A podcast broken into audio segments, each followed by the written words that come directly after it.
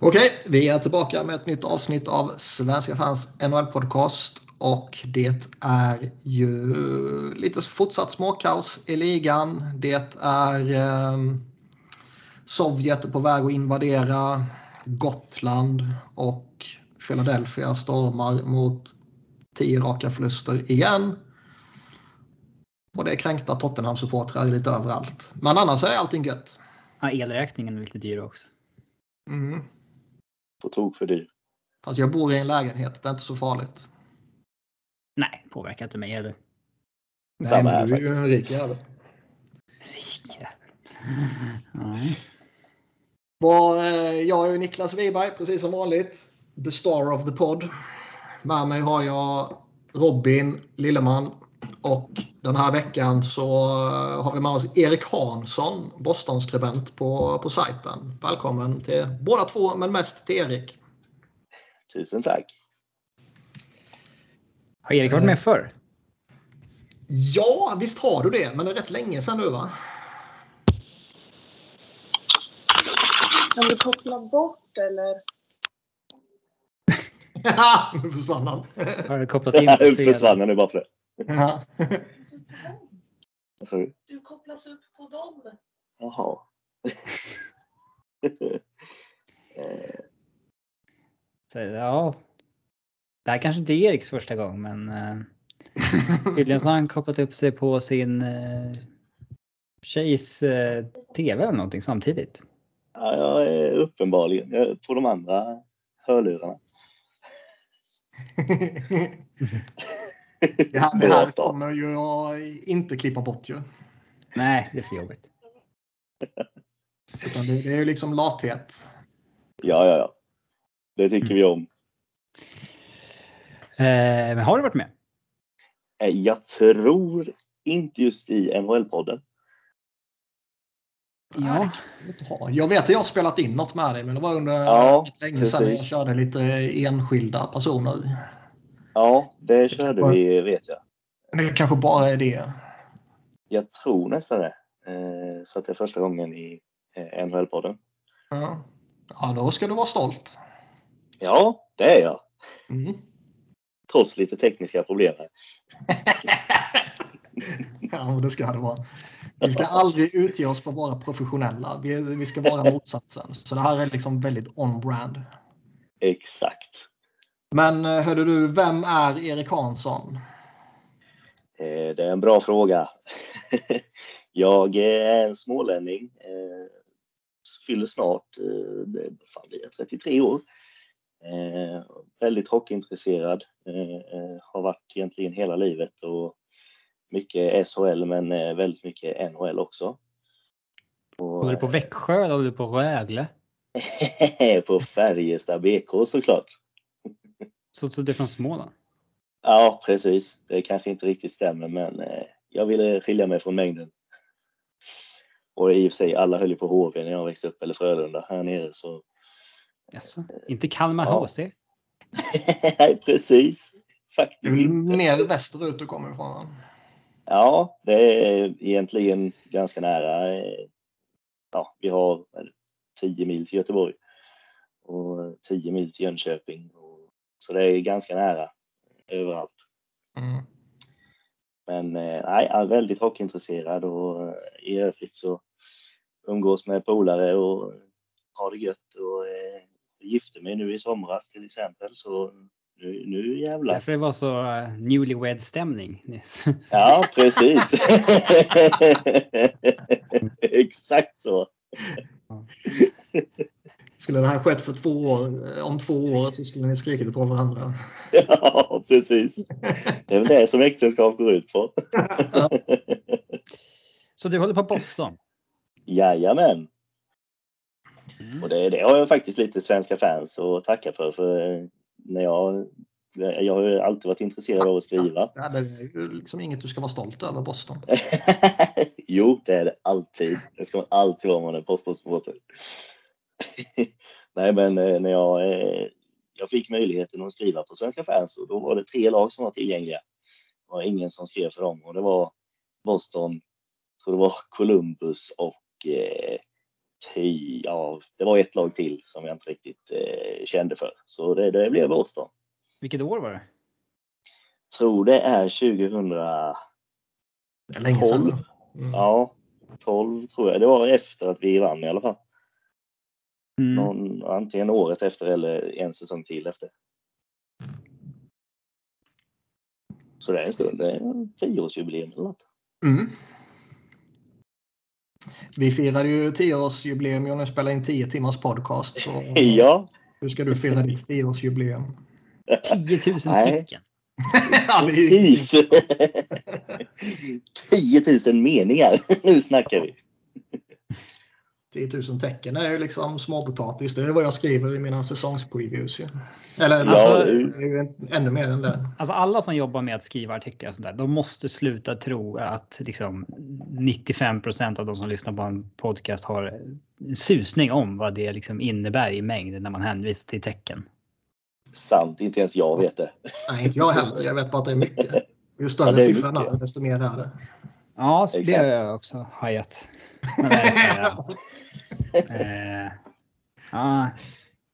Det är många journalister som nämner det i podden. Så, ja, jag har jobbat med krönika på 10 000 tecken eller 100 000 tecken. Man, man har liksom inget. Man har ingen koll på hur mycket det är. Nej. Man kan Ett inte annat irritationsmoment är ju när alla eh, poddare från Stockholm ska jämföra saker med avstånd uppe i Stockholm. Avstånd uppe i Stockholm. Ja, att ja, men det där, eh, den där sträckan är lika lång som från den där tunnelbanestationen till den där tunnelbanestationen eller från Gamla stan till den där förorten. Det är väl Ah. inte vanligt ändå. Det känner jag Jo, inte igen alls. Alldeles eh, för vanligt för att eh, man ska bli upprörd över det. Vad lyssnar du på för poddar förresten? förresten? Det är liksom. Alltså, jag det- lyssnar faktiskt inte så mycket på poddar. Det- Nej, men Niklas det, men eftersom han hänvisar till det här. Han lyssnar ju inte på Ja, några i och för sig. poddar som är liksom. Du lyssnar ju inte på några hockeypoddar alls för att du citat. Det finns ingen som kan lära mig något om NHL. Nej, Och, Nej det, är, är inte helt sant. Det finns eh, många supportrar som kan lära mig jättemycket. Det finns... Visst, eh, välkommen Erik, bla bla bla. Men eh, du, du lyssnar ju absolut inte på någon svensk NHL-podcast. Nej, Vilka svenska podcasts lyssnar du på då? jag lyssnar på några sådana här eh, P3 Dokumentär och lite sådana och lite eh, Krigshistoriepodden, Militärhistoriepodden. Eh, Mycket vuxenpoäng. ja, Ja, mycket, mycket eh, vit medelålders man-poäng. Ja. Eh, jag vet att du lyssnar på Offsides podcast, fotbollspodden, Ja. men de, de är ju baserade i Göteborg, så de hänvisar ju aldrig till, till Stockholm så. Däremot så hänvisar de ofta till hur många tecken någonting är, om man har inte en susning. Ehm, ska vi kanske lämna det här och gå in på lite Boston? Ja, varför inte? Eh, Bruins ligger ju för tillfället på fjärde plats i Atlantic. 46 inspelade poäng på 35 matcher. Man eh, jagar väl i första hand Toronto om den där sista topp 3-platsen i Atlantic. Hur skulle du säga att det allmänna läget är i Boston för tillfället om vi börjar väldigt brett? Ja, just nu så är det ju väldigt, väldigt bra. Eh, det har gått eh, från en medelsäsong där vi har, ja, vi har ju tappat mycket matcher på eh, först och främst de första månaderna. Men och inte riktigt fått ihop det. Vi hade ju ett värdelöst schema i början av säsongen. Och liksom en match och så var det en veckas uppehåll och så var det en match, tre dagar uppehåll, två matcher och sen var det en veckas uppehåll till och ni var riktigt tröga ut startblocken minns jag. Ja, verkligen. Eh, Det gick liksom till omgång, ja vad ska man säga, 20-25 innan vi eh, har hittat våran groove nu. Men det är ju skönt att ha matcher in hand än tvärtom. Det är det verkligen. Det är liksom hela tiden när man, ja, Detroit har legat på sista wildcard-platsen. Men ja, de har fem matcher mer spelade. Vinner vi våra så är vi förbi dem med råge. Och nu ser det ju väldigt mycket bättre ut helt plötsligt. Så är det ju i eh, Central också när det snackar om vem som leder så där. Eh, Blues, Nashville, Minnesota, men Avs fem matcher mindre spelade. Ja, det säger ganska mycket. Men men. Eh, Ja. alltså, Bru alltså, Bruins är ju riktigt bra i år, men spelar man i en division med Florida, Tampa och Toronto så finns ju inga garantier att komma topp tre. Nej, verkligen inte. Och det, det har vi väl kanske i och med starten så kommer vi nog inte nå upp dit än fast vi är bara fem poäng efter Toronto nu. Om man ser till bara en månad sedan så var vi ju, jag vet inte hur många poäng bakom vi var, men eh, det var ju väldigt långt upp. Och det kändes som att det finns inte ens en möjlighet att komma topp tre. Men eh, nu med, vi har vunnit sen nyår åtta av nio matcher. Och den vi förlorade mot Minnesota, det var, vi blev ganska eh, rejält bortdömda i den matchen kan jag tycka. Så den skulle vi ha kunnat ta poäng i alla fall. Eh, men det blev inte så. Och som sagt, vi är bara fem poäng bakom Toronto nu. Eh, så helt omöjligt är det inte att komma ikapp. Nej, och ni har byggt upp en buffert neråt också ju. Ni har fortfarande matcher i hand och ni har ett antal poäng ner till Ja, eh, Detroit och sen ytterligare några poäng ner till Columbus och Philly. Så det är ju... ja det är väldigt eh, gott om plats där nere om man säger så. Vi ligger som, Mm. vårt poängsnitt är 65,7 procent och ja, Detroit som närmast har ligger på 50. Så det ser ganska bra ut på så vis. Min bild av eh, Bruins är att man är eh, oerhört välcoachade. Cassidy bör ju vara en av de bästa coacherna i ligan. Ja, Eller? håller med. För att man, man har ju överlägset lägst eh, liksom. Eh, jag tror att det är expected goals emot. Ja, Eh, stämmer. tror jag. Eh, Vet ni vilka som har sämst?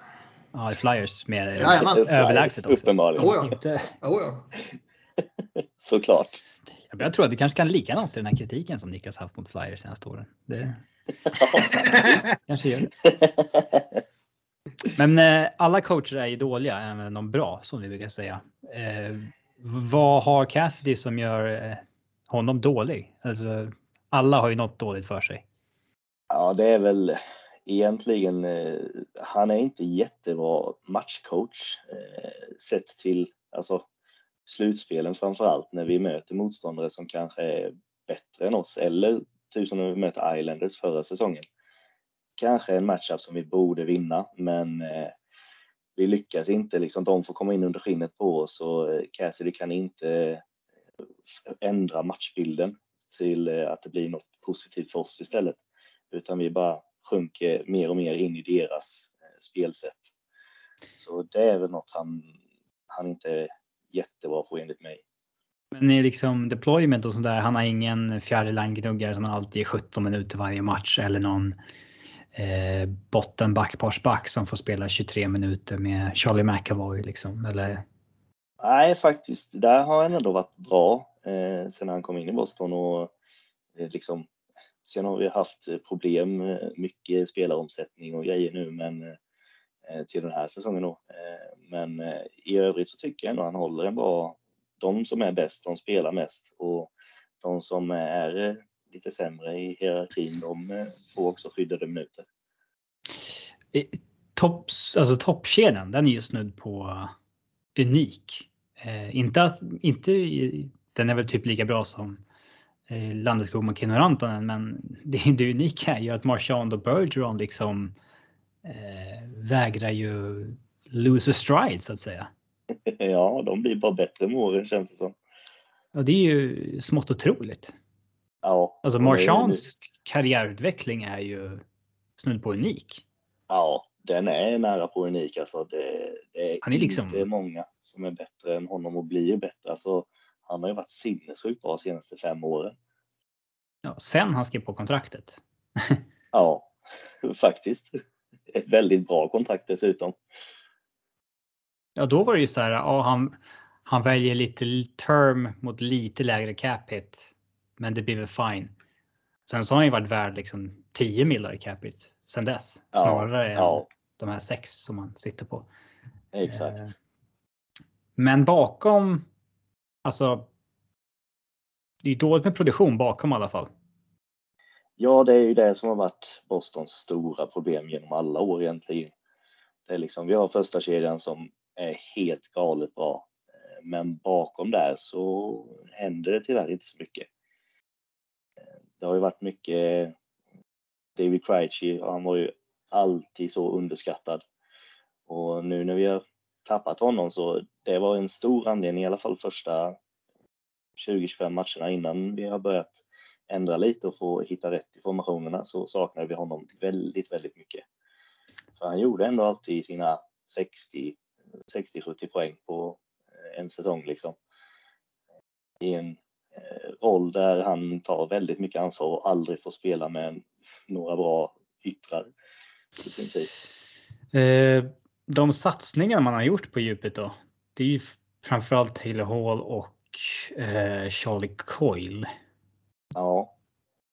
Hur alltså, lever de upp till att vara secondary scoring i, en- i en contender? Liksom? Det är ju, ja, om man ser till senaste tio matcherna så eh, ser i alla fall Taylor Hall ser grymt bra ut nu. Eh, efter att Cassidy ändrade så han flyttar ju ner Pasternak till andra kedjan och kör Erik Haula som center mellan Hall och Pasternak. Eh, och den kedjan har varit on fire sedan dess. Riktigt, riktigt Det är bra. nästan, alltså Marchand och Bergeron är ju så bra ihop att de borde nästan kunna bära en lite sämre spelare Ja, i hopp om att Och försöka få. ja, Ja. det ska de. Vi ska inte behöva sätta allt krut i första kedjan och sen hoppas på att de löser biffen åt oss. Det är lite det här Dreisaitl McDavid problemet liksom. Exakt. Vill ni ha en Eh, bra kedja eller vill vi försöka ha två? Eh, Ja, och, det, eh, mm. nu har vi ju faktiskt fått den förändringen eh, som blivit väldigt positiv med Smith tillsammans med Marchand och Bergeron som han passar skitbra där, en riktig arbetshäst och kan ändå hitta målet och har ju gjort lite mål och poäng sedan han flyttades upp dit. Och sen, sen har vi ju fått då Pasta som har kommit igång igen tillsammans med Haula och Hall som gör riktigt bra matcher hela tiden och så har vi äntligen fått en fjärde kedja som faktiskt eh, kan producera och hjälpa laget på det viset, inte bara vara jobbiga och möta liksom, för de är både och. Men eh, Blid har ju varit riktigt bra tillsammans med Nosek och Lazar senaste tiden. De Men djupet är väl ändå mediokert hur man än vänder och vrider på det.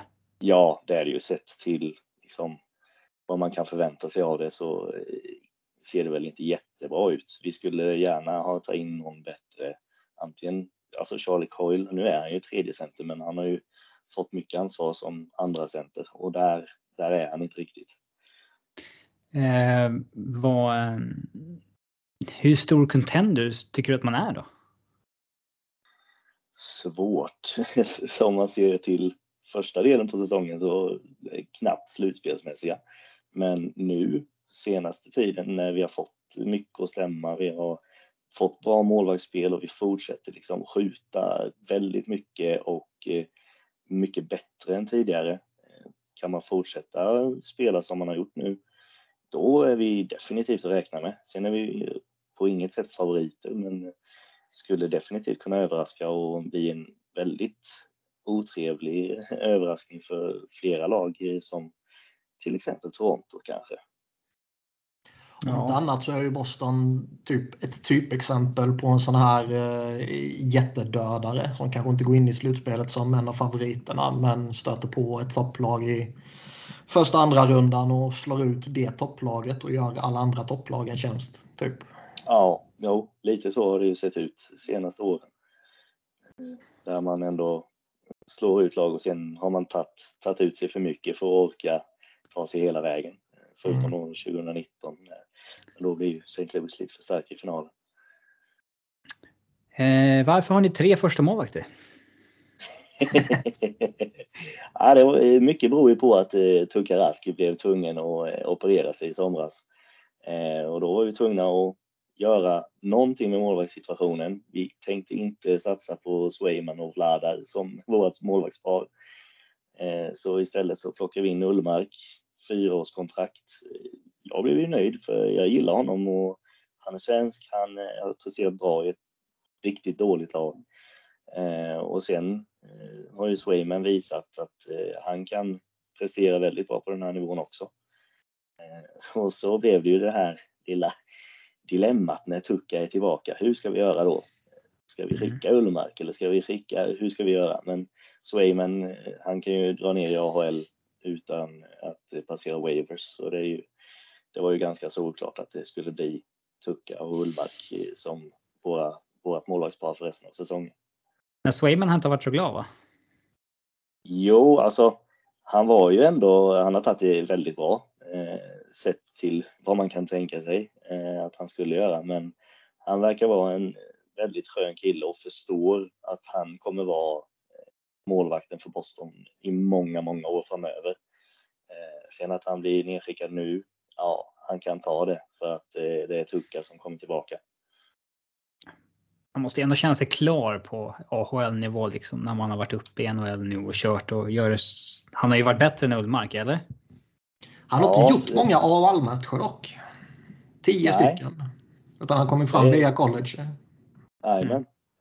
Och det är, sen om han spelar många minuter, utvecklas i AHL som första målvakt eh, tills han ska, ja, när Tucka lägger av eller om eh, hur det nu blir. Eh, då kommer han ju komma upp och spela igen. Men eh, om jag ska svara på den, att han har varit bättre än Ullmark? Ja, eh, första delen av säsongen tycker jag att Swayman var bättre, men senaste tio matcherna så har Ullmark, Ullmark varit eh, mycket bättre faktiskt. Och Swayman har fått möta lite hårdare motstånd och där har han inte en jättebra statistik mot dem. Då han var, han har mött lag som ligger på slutspelsplats i sju matcher eller något. Han hade 1-5-1 mot dem. Så eh, han kanske behöver lite mer tid innan han blir en fullfjädrad eh, första målvakt i NHL. Mm. Det är lite oundvikligt att eh, fortsätta ge chansen åt Ullmark också när man har signat honom på det kontraktet.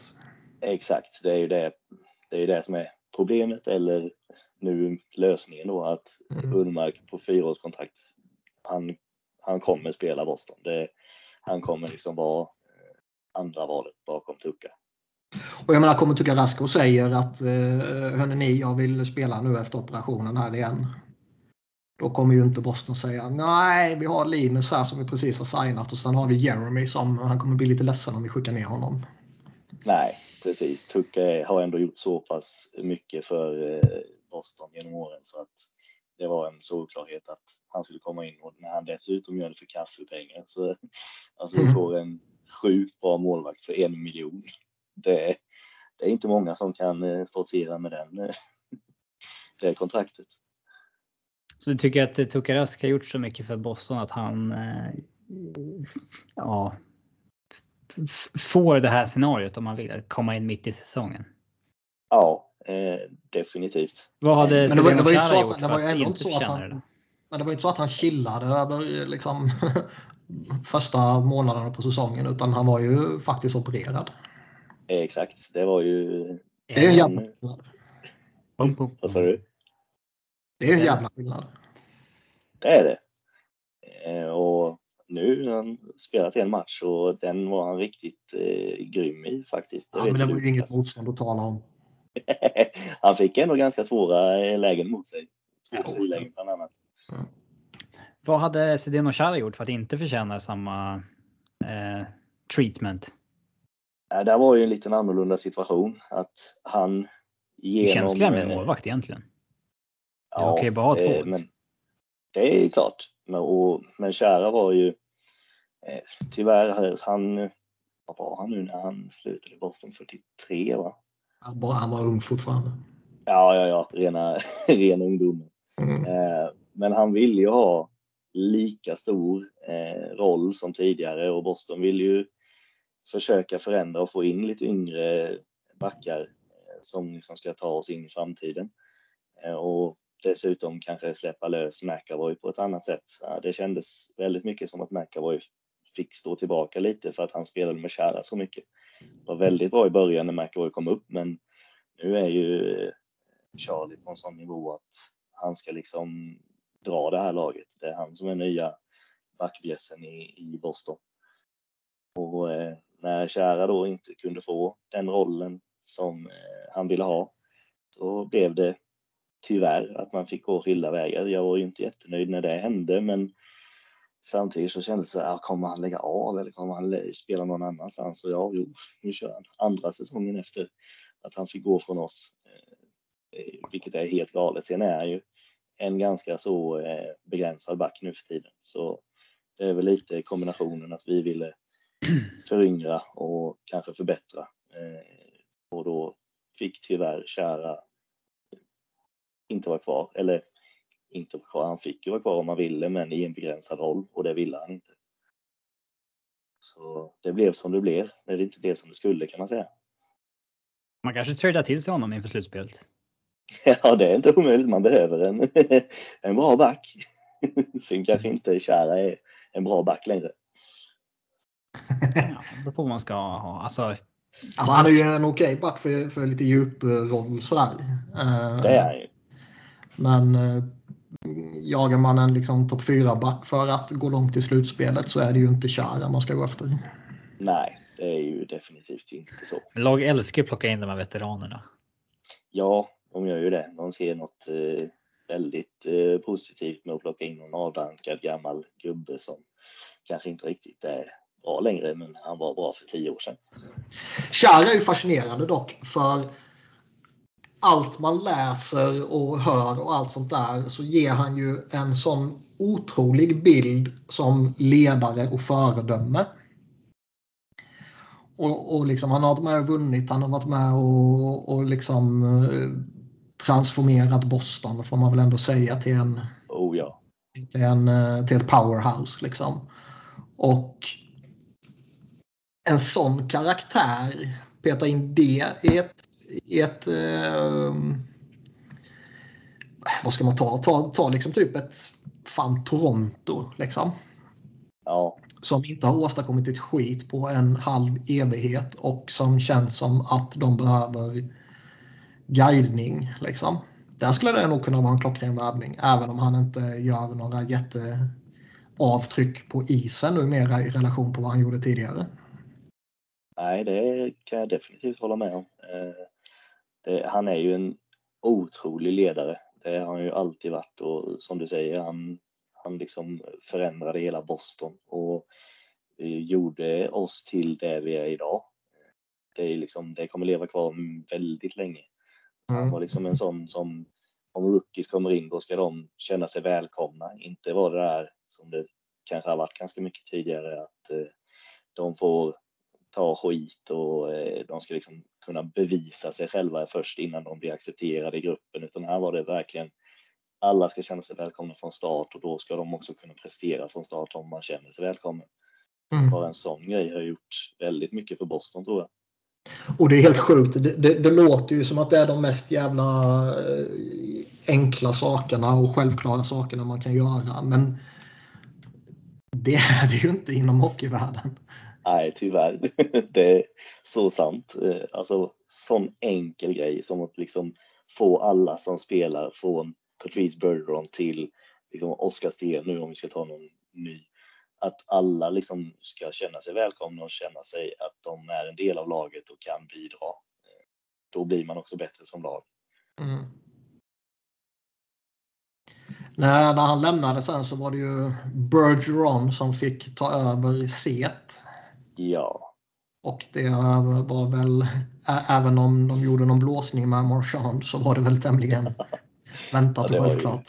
Solklart, ja. Det är liksom, Bergeron har ju varit nästan lika stor del av, av Boston som Chara har varit under alla de åren. Så han har ju alltid varit en naturlig ledare. Och eh, det har han bevisat sen dess också att eh, var det någon som skulle ta över efter Chara så var det ju Bergeron. Och han är, det går ju att säga hur mycket som helst om honom. Han är lite Niklas Lidström typen. The perfect human som man alltid sa. Och det är lite där jag håller Bergeron också. Det börjar ju snackas lite och har gjort så de sista året eller två åren eller vad det nu är att han kanske tackar för sig när det här kontraktet går ut till sommaren. Mm, precis. Vad, hur tänker du och resonerar du kring det och vad, vad tror du kommer hända? Jag hoppas ju nog för att han har spelat länge och mycket och varit skadad en hel del. Men jag hoppas ju att det är en liten sån jag vet att jag skrev det i någon artikel när det kom ut att ja, vi ska inte prata om ett nytt kontrakt utan det här är mitt, det här är mitt sista år för stunden så att säga. Eh, att det liksom kan vara en, eh, en morot för resten av hela gänget att nu måste vi spela vårt allra yttersta för att eh, ge Birdron sista Stanley Cup. Just för att man inte vet att ja, men, han kommer ju spela nästa år också, året efter det och efter det, året efter det. Mm. Så jag, jag, hoppas att det kan vara något sånt han tänker på där, att han faktiskt har tanken att fortsätta för han är ju, alltså han är för bra för att sluta. Han, är, han blir ju ändå 37 till sommaren. Det, det är sällan vi, vi ser det där längre, att någon är liksom för bra för att sluta och slutar. Nu för tiden Nej. är det ju alltså Corey Perry, Zach Parise, Jason Spezza, ja. Joe Thornton. Det är liksom eh, snart får vi liksom skjuta dem och släpa dem av isen. På den nivån. Liksom. Eh, ja. eh, Niklas Lidström var väl typ en av de senaste där det verkligen var så här. Han kan ju spela första backpar ett år till minst.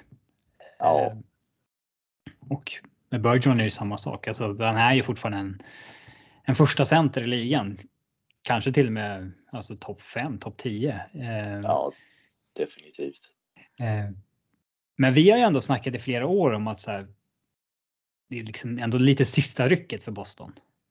Ja. Såg du det som sista rycket?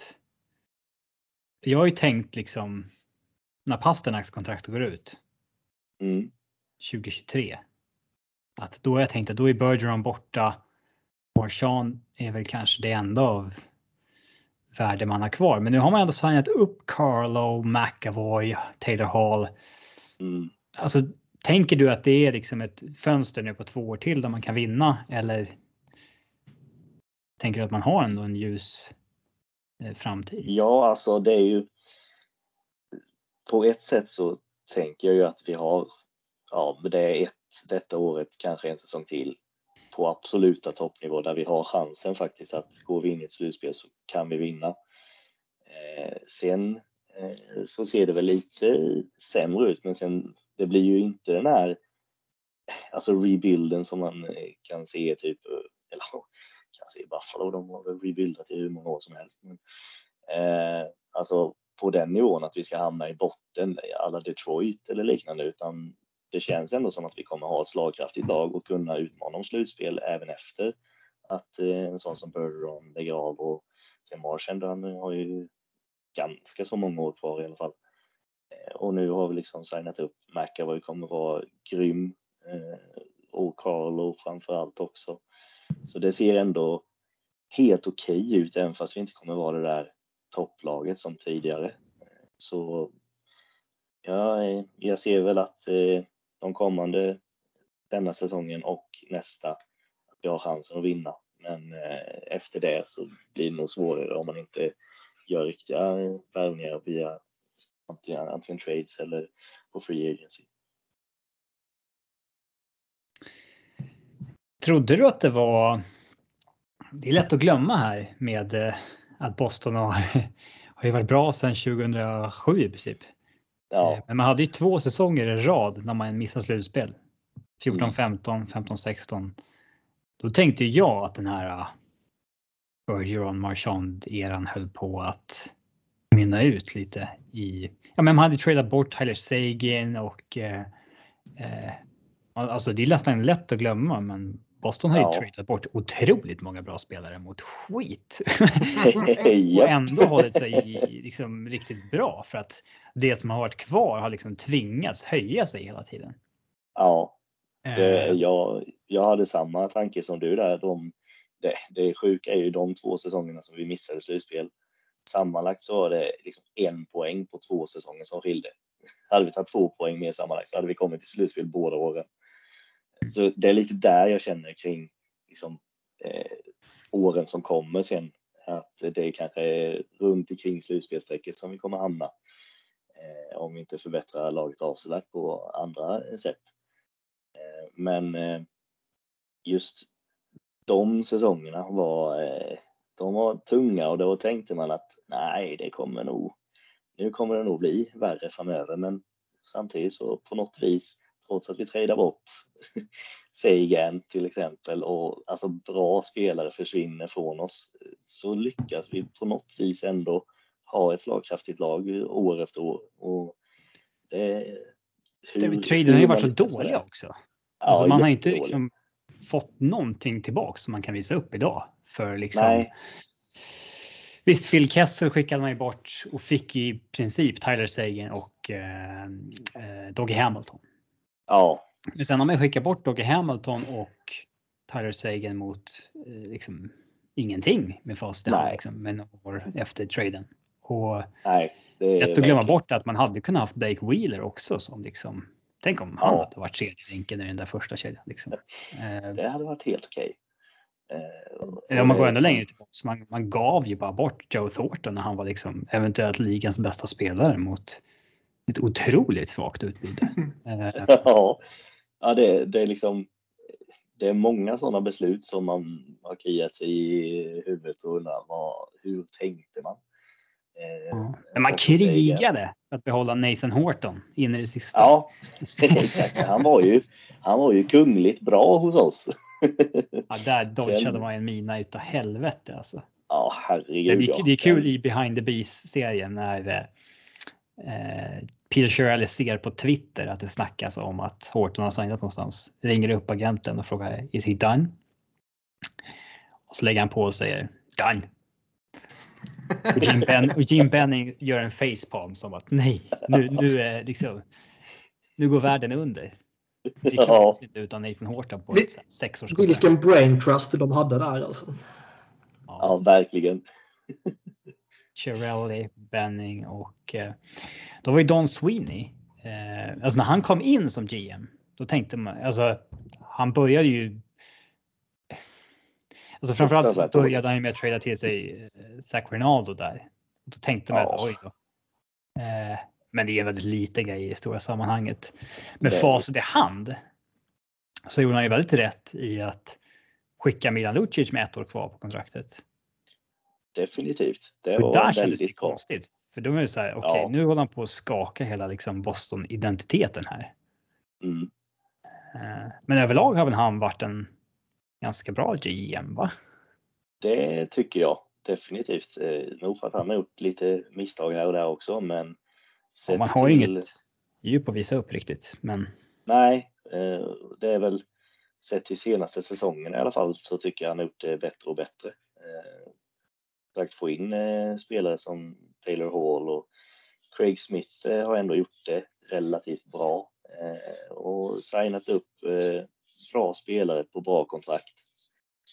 Så det är ändå jag är nöjd med vad, vad han har levererat för oss eh, hittills. Så, ja. Man hade ju förhoppningar om att han skulle bli fullständigt galen där när han kom in och gjorde lite sjuka grejer. Men uh, som tur ja. har vi inte haft. Det, det började som sagt ganska illa men eh, det har shape, han har shapat upp det sen dess om man säger så. Mm. Han sa ju typ när han tog över It's gonna be a bumpy ride och sen så första veckan skickade han Milan Lucic och Doggy Hamilton. Och det var ja. så shit. Det här är en kille som uh, är liksom typ som när man själv tar över ett lag på tv-spel. Liksom. Stora trades på en gång. Bara för att uh, det ska, det ska se bra ut. Fast det ser inte så jävla bra ut kanske. Uh, men han har varit ganska passiv efter det. Ja, Alltså han har inte ens gjort fått... stora saker. Nej, han har fått mycket kritik för det. Eh, just för att inför slutspelen, inför liksom eh, trade deadline, att ja, det har funnits många bra spelare som vi har kunnat ta in, men han har inte gjort det av någon anledning. Eh, och det vet jag inte riktigt varför inte han har gjort det. Det var ju en sån grej som förra säsongen att han mm. faktiskt tar in Taylor Hall som är liksom den var den bästa spelaren på marknaden. Och det har, det har aldrig hänt om det var liksom bara två, tre år sedan tillbaka. Så. Ja, man satsade ju med David Backer ska sägas. Ja, det gjorde man ju tyvärr. det var inte en av hans Vad, bästa. Minns du hur det gick till när det breakades? Oh, att Bob nej, McKenzie det breakade det. Just och det. hade fel sjukt nog. Han Ja, skrev David är- sex och I believe it's a one year deal eller någonting med Boston. Jag tänkte bara oh, Ja, ja, nice. då ja. lyckades Jo, liksom så här, övertyga honom och satsa ett år. Ja, just det. Sen så bara sorry, it's a five year deal. Exakt. Oj. Och då, då kände man helt plötsligt att aj då. Det där Det här var bra. ju under tiden där Free Agentsen fick helt vansinniga kontrakt. Liksom.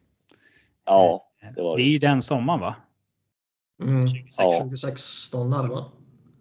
Tror det va? Är den liksom legendariska Free Agency sommaren där Mm. Louis Eriksson, Andrew Ladd, David Backes. Eh, det list goes on. Fick eh, Riktigt vansinniga bra kontrakt. Ja, bra kontrakt för spelarna, kanske inte för lagen om man säger så. Mm. Visst måste Boston vara laget i NHL med absolut lägst antal kanadensare? Det kan vi säkert vara. Man har inte en enda kanadensare eh, i backsidan. Man har Tyler Eh, nej. som gjort två matcher.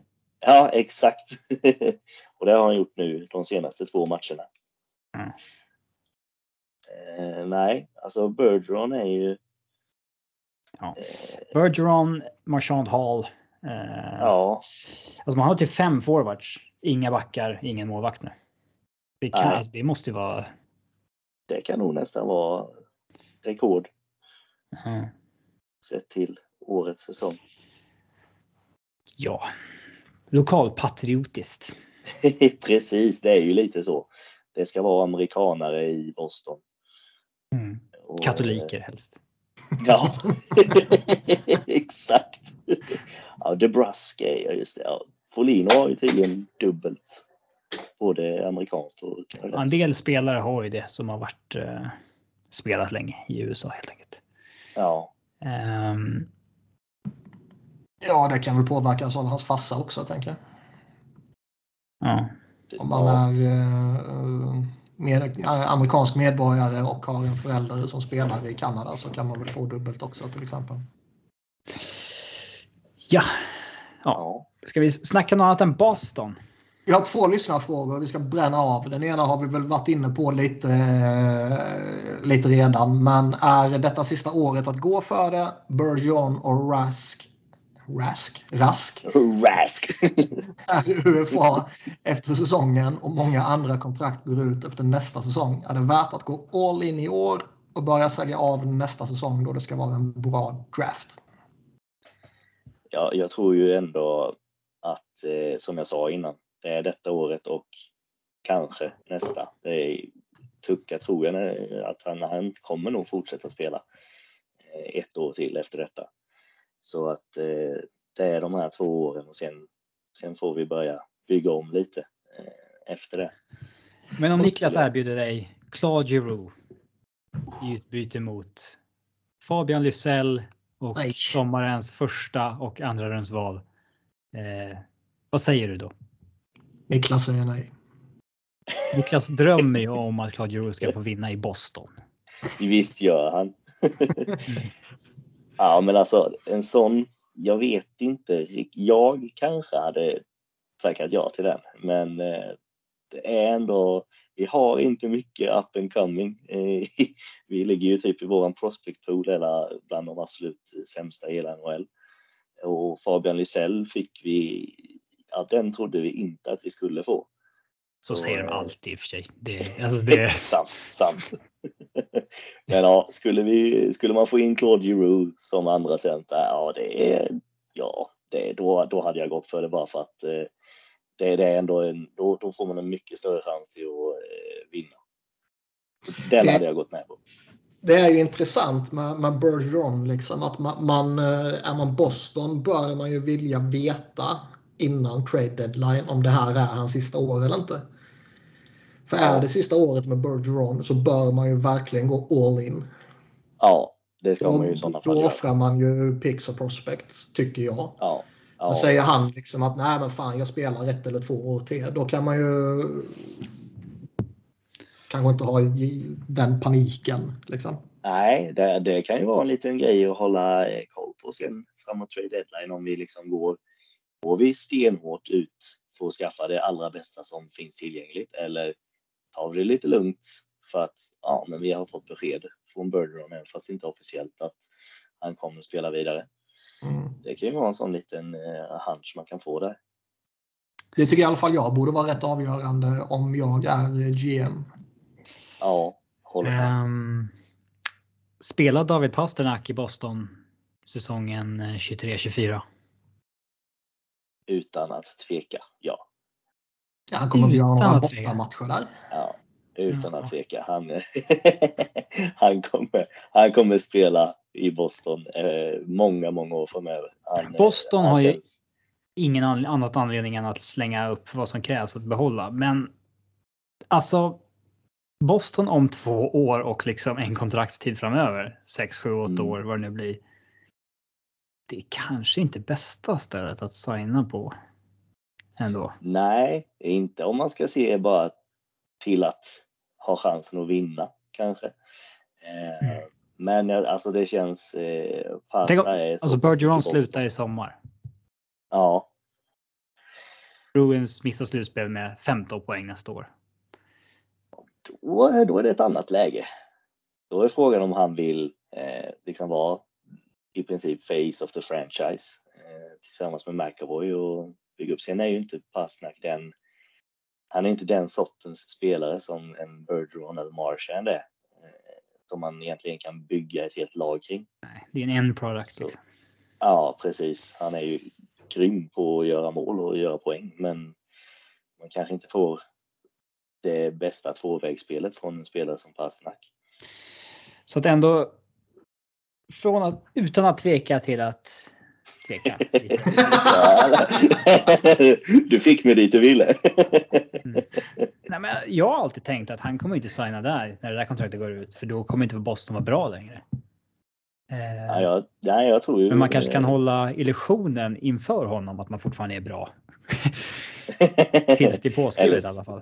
Eller så är man fortfarande bra, det vet vi inte heller. Hittar Sweeney rätt i kommande, alltså både draft, man kan ju hitta fina spelare som kommer upp och kan göra skillnad direkt och lite trader och sådär så, så är det inte helt omöjligt att vi fortfarande är ett lag att räkna med även efter att Bergeron har slutat till exempel. Ja, Många spelare är ju faktiskt rätt lo- lojala mot, mot laget där de draftade så Ja, De får sina Och- pengar där och de kan bo kvar och så är de nöjda.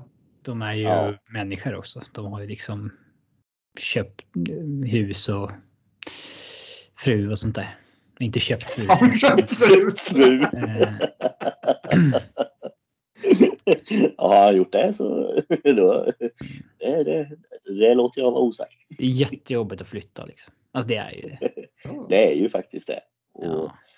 Pasta har ju tagit eh, liksom ett billigare kontrakt. Han skulle kunna signa för mycket mer än 6,6 miljoner. Liksom. ja, då hade han kunnat kriga för lite mer, men det fanns ju den här lite kulturen i Boston då att man inte gjorde det. Nej, precis. Att, Den som Toronto så gärna ville skapa, men inte riktigt lyckades. ja, de har gjort det väldigt bra där. Ja. Vi kan ju jämföra eh, Bostons resultat med Torontos sen. De började ge sjuka kontrakt. Ja. Jag har en eh, sista lyssnarfråga här. Blir det ett paket med DeBrusk, Studnicka och Lysell för att hitta en topp 4-back? Det, För en topp 4-back. Ja, det ska ju i sådana fall vara en topp 2-back enligt mig. Att man ska få eh, ge bort. Sen, DeBrusk har ju redan begärt en trade. Det händer inte mycket där verkar det som. Eh, Stadnika har fått lite chanser här och där men inte riktigt fått fotfäste i NHL och nu är det ju mer eh, sånt som Sten har ju gått upp och varit eh, väldigt bra sett till om man ska jämföra honom och Stadnika. Och Lisell, ah, jag är ju sådär, jag, man vill gärna behålla honom när man ändå fick honom så pass smidigt som man inte trodde att man skulle få. Så svårt, men samtidigt behöver man ju gå, gå efter det och försöka få in en riktigt bra back. Men då ska det enligt mig då kanske vara en, en parhäst till McAvoy i sådana fall. Men det är en back som du tycker är prio 1, inte en forward. Ja, det är det. Nu sett till senaste förändringarna som vi gjorde i kedjorna så alltså vi skjuter på alla cylindrar. Det är helt galet hur, hur bra vi har varit senaste tio matcherna. Och det är liksom alla kedjor bidrar, alla kedjor gör mål. Det, det, har, det har man inte sett senaste liksom fem, tio åren i Boston. Eh, så kan man få in en back som kan eh, hjälpa McAvoy och eh, göra laget bättre på backsidan så då är vi något på spåren. Evander Kane då? Mm. Nu äh, lämnar vi Boston om inte Erik vill eh, hypa upp en eventuell värvning av Evander Kane till Boston. Så eh, Nej! På det. Han, eh, han fick ju kontraktet rivet av eh, San Jose och eh, flera lag ska vara i kontakt med honom där Edmonton väl pekas ut som huvudalternativet. Och det är ju det är ju lite oklarheter kring hans status. Det pågår ju fortfarande någon sorts utredning där man ska se vad, om han gjorde något fel när han korsade gränsen mellan USA och Kanada och sånt här. Alltså hur många grejer han utretts för genom åren? Jag vet alltså vad är det? Det är typ tio grejer snart. Ja. Det, det, blir ju lite när, när Ken Holland sitter och säger att jag tror på att ge folk en andra chans. Och så liksom, ja det kanske man kan göra men här får han typ sin elfte chans. ja, alltså det är ju det på riktigt. Ja. ja. Och det är helt sinnessjukt. En sån spelare ska inte få ens beträda en NHL-is i fortsättningen sett till vad han har gjort senaste åren. Så eh, Evander Kane till Boston? Nej. Nej, jag skulle absolut inte vilja ta in honom. Ä även om... Uh... Flyers var en annan position att ja, gå för. Ja, ja. Jag, jag skulle inte vilja det ändå. Det, det kommer för mycket bagage med honom. Det kommer för mycket osäkerhetsfaktorer som både kan uh, få konsekvenser liksom, i omklädningsrummet och utanför själva hockeyn så att säga. Alltså det var skillnad ja. när eh, San Jose gav honom. De gav väl honom kanske på riktigt en andra chans eller om det var mm. fjärde chans eller någonting då. Ja. Eh, men då hade de ju liksom de var i en position där de kunde ställa krav på honom. Ska du hit så är det här som gäller. Och de hade ett jäkligt starkt omklädningsrum med liksom Joe Thornton, Joe Pavelski och så vidare. Eh, som inte är kvar. Ja. Sen, alltså när de försvann, då var ju liksom Vander Kane störst. Eh, och då verkar det ha kukat ur igen. Liksom. Eh, men eh, för att alltså Timo Meyer, Logan Couture, alla här, men de verkar inte kunna tygla honom på samma sätt som Thornton liksom, som ledarfigurer. Det är väl den enda anledningen till att det skulle passa bra i Boston. Att vi har Bergeron och Marchand som kan sätta honom på plats. Alltså, undrar hur Conor McDavid känner liksom, när han ser vilket pisslag Ken Holland har byggt ihop. Liksom. Det är NHLs sämsta roster om man tar bort de bästa två spelarna i den. Ja. Eh, sämre än de lagen som liksom tankar. Och kan Hollands lösningar liksom så här. Connor, kan inte du försöka övertyga Evander Kane att komma hit också? Ja, snacka lite gott om honom på den här presskonferensen också. Ja, ja det är ju bara vidrigt. Där ska han ju bara make a statement att han är inte hemma i den här ligan. Nog för att han är en riktigt bra hockeyspelare i sina bästa stunder, men nej. Alltså fram, framförallt så eh, det, det, det, kommer ju bli en jävla uppmärksamhet om, om han går ut och säger att han, han ska vara portad från ligan. Liksom. Men, men eh, framförallt så tycker man ju att eh, allt som har kommit fram typ det senaste året eller åren om man tar Bill Peters och hela den soppan också med ja. och så vidare. Men bara liksom typ eh, sista året med, med all skit som har grävts fram så borde ju en sån som eh, Evander Kane inte vara välkommen egentligen. Liksom. Nej. Och framförallt så tycker man ju att liksom de enskilda lagen borde ju inte vilja ta in ett sånt problembarn. Men återigen ser vi ju att om du kan erbjuda något bra på isen så kommer de blunda för i princip allting. Ja, Ja. så är det ju. Eh, hade han varit en Bröderna Leipzig-figur så hade det inte blivit en andra chans. Nej, nej, nej. Eh, och, eh, jag tycker det är synd om Connor också. Det är inte, det är uppenbart liksom från ledningshåll att nu vill få in den här spelaren. Kan du göra vad du kan liksom. Det, ja, Man kan väl bara säga nej. Faktiskt. Alltså Con- Con- Conor McDavid sitter ju på all makt i Everton. Äh, Everton. I Ja, det också. Ja, I Edmonton. Alltså om man bortser från det här faktum att han- är liksom uppbunden på ett, eh, på ett kontrakt så sitter han ju ändå på, på all makt. Liksom. Om, om Conor McDavid eh, vill så har han ju alla möjligheter i världen att sätta ner foten och säga ifrån. Eh, skulle det inte liksom bli så att han får någon vilja igenom och han vill pressa på och så går han ut i media och begär en trade och så kommer det bli en jävla shitshow i Edmonton. ja men jag kan, jag kan förstå att han inte gör det. Ja, absolut. Men man kan ju spela ut det bakom kulisserna. Ja.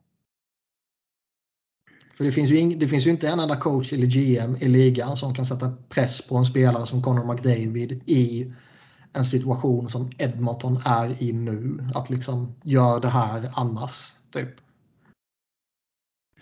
Tänk om han hade dundrat ut på presskonferensen där. It's him or me. Mm. Den hade varit, den hade varit fin. Men han kan ju inte liksom börja bestämma. Alltså, han är ju världens bästa hockeyspelare, men han ska ju inte tro att liksom, han är den bästa att ta beslut om vem som ska in eller vem som ska ut ur det laget. Nej, nej, nej. nej. Jag menar, vi, vi har ju absolut inte, det är inte så jag menar. Jag menar. Vi har ju kritiserat typ Chicago genom åren där eh, Kane och Toews och så vidare fick liksom vara med och bestämma vad som skulle hända. Typ vilka de skulle varva och sådär. Ja. Men eh, det är inte så jag menar. Jag menar mer liksom att om det kommer en dåre och säger åt honom att kan inte du ringa upp Evander Kane och kan inte du snacka gott om honom på presskonferensen? Nej, Nej, då ska han kunna säga nej. då säger man nej, det kan du göra om du vill ha in honom. Ja, det är inte, mitt, det är inte min eh, grej att göra. Liksom. Det var så jävla kul om... Den här trenden med att inte signa åtta år kom ju liksom precis efter McDavid hade signat det där. Ja. Det var så jäkla nice om det kontraktet hade liksom ett och ett halvt år kvar snarare än eh, ja, fyra år efter det här. Om de inte som i något jävla mirakel plötsligt går och blir jätterelevanta och jättebra typ nu eller om ett år eller något sånt där så jag tror fan inte han spelar klart det kontraktet i Edmonton alltså. Eh, vad ska man trada för det? Alltså det. De kommer ju göra eh, den moderna motsvarigheten till Joe Thornton-traden. Ja, du tänker så. Alltså man skickar han och sen skickar man inte honom mot kvalitet utan man skickar honom mot kvantitet. Ja. det skulle vara typiskt Edmonton. Mm. Och visst, det kanske inte är Ken Holland som gör det för han kanske inte är kvar om tre år eller vad det blir. Men eh, det känns ju som att något är fundamentalt fel med hela organisationen oavsett vem som är GM där. Ja, Och är jag Dreisaitl eller McDavid så eh, man väntar ju bara på att man ska kunna komma därifrån. Ja, Dreisaitls kontrakt går ut ett år tidigare. Och det kontraktet är ju, jag menar McDavid är ju underbetald för det han bidrar med givetvis. Men 12,5 miljoner är ändå jävligt mycket pengar att få plats med för, för många lag. Men 8,5 är jävla i mig doable för många. det är det. Definitivt. Ja. Och vi hade ju liksom. Ken Holland kunde ju skylla på att det här var inte hans lag. Liksom. Mm. Men så hade han ju i somras när han hade liksom 20-25 millar i cap space. Valde behålla samma målvakt. Valde att trada för Duncan Keith. tvåårskontrakt. Ja, Ta in Duncan Keith. ja. Eh, Jag har inget emot Tyson Barry-kontraktet. Jag tycker väl han får lite väl mycket skit. Han är väl en, en, liksom en bra PP-back för 4 och 5. Liksom. Barry för det kontraktet är väl bra. Zack Hyman är väl okej okay, liksom. Lite, Ja. lite sådär term kanske. Men, Ja, men, Men Hyman ska ju vara liksom. Det är fortfarande bättre att signa det än att inte signa det tror jag. Men han ska ju vara liksom sista pusselbiten på det där kontraktet då. Alltså han ska ju inte. Eh, gå in och vara lagets tredje bästa forward. nej, det ska ju det är definitivt inte vara. Ja, alltså. Nej, de är så. Det är så uselt lag det Det där. är ett Alltså pappret fruktansvärt dåligt. det Utöver. var ju så skoj den obegripliga hypen som var tidigt på säsongen när, eh, när de i och för sig hade ett bra record men där alla borde inse att ja, men det är inte hållbart. Jag tjafsade med några Oilers fans på Twitter då. Mm. Jag svarade typ Travis Jost någonting. Att så, så här, att det här laget är så jävla flad liksom. Det, de hade vunnit nio av första tio. Fans. Mm. Ja, Det var precis. så här. Huh, I didn't realize 9-1 was flawed. Liksom. Du ska återkomma nu och Men, fråga men hur det går. så, alltså, så agerar ju folk. Det är så här. uh, Man vill ju inte höra sanningen. Nej. Man vill ju bara Nej, så är det. drömma sig bort och tänka att nu, nu kör vi. Nu är vi på riktigt. Ja, det tog ju fem sekunder för dig att knäcka Eriks psyke om Exakt. Så enkelt var det. Ja. Erik lämnar podden med lite så här gråtande och frun säger, men vad, vad är det Erik? Vad hände? Det roliga är att mina hörlurar kan lägga av snart. Nej, det, är inte det. Det var jättebra. Det är inte hörlurarna som tog eh, batteriet tog slut på. Jag lovar. Men det kan, det kan hända att jag försvinner här. Men jag kör så länge det går. Men, men, men eh, Kane, om vi, om vi leker med tanken att ehm, eh, ligans undersökning kring det här med att han eh, korsade gränsen utan tillåtelse och sådana här saker. Och allting är OK för honom att eh, spela vidare. Eh, vilken impact kan han ha oavsett om det är Edmonton eller någon annanstans? För han har ju ändå han har ju bra säsonger bakom sig om man bara tittar på Ja, förra säsongen var hans bästa. På, Ja. Ja, det var det länge. va? På länge. Men det tar man bort det allt bakomliggande och bara ser till hockeyspelaren så kan han ju definitivt bidra. Ja, det är en första line-spelare. Skulle... Ja, utan tvekan. Som gör väl egentligen alla lag bättre. Bara sett till Nu, hockeyspelandet. nu är han ju liksom, vad, har han skulder på? 220 miljoner eller någonting också? Ja, jag Dollar? vet inte, det är hur mycket som helst. Ja, alltså. ja, Eh, men hade jag varit han. Nu, nu behöver han ju kanske alla pengar han kan få, men då hade jag varit killen som eh, liksom aktivt går ut och säger att jag vill signa ett minimumkontrakt den här säsongen. Eh, och bara gå till ett bra lag och eh, ja, spela lite martyr liksom. Att jag måste skärpa mig och börja om och eh, bla bla det är väl bla. egentligen det enda han borde, alltså en möjligheten han har. För Då jävlar. Hade, nej, men han kommer ju få ett bra kontrakt av. Eh, eh, ja, han kommer inte få ett långt kontrakt av någon. Alltså nu Nej. får han ju ett kontrakt året ut. Ja, Så det är till sommaren beroende på vad han gör. Och visst, då kan man ju givetvis hitta sämre förutsättningar för att få det stora kontraktet än att göra en halv säsong jämte Conor McDavid och Leon Draisaitl typ. Mm. det skulle ju förbättra värdet till nästa kontrakt helt klart. Om han kan hålla sig ja, på rätt sida av allting. Rätt sida av lagen. Så, Ja, exakt. Exakt. Så han inte hamnar i fängelse innan dess. men tänk vad det skulle göra om han ville signa ett minimumkontrakt i typ Colorado eller Toronto eller något sånt där. Ja, Alltså vilken boost för den pengen. Mm. Jävlar. Mm. Men visst känns det som att det blir Edmonton?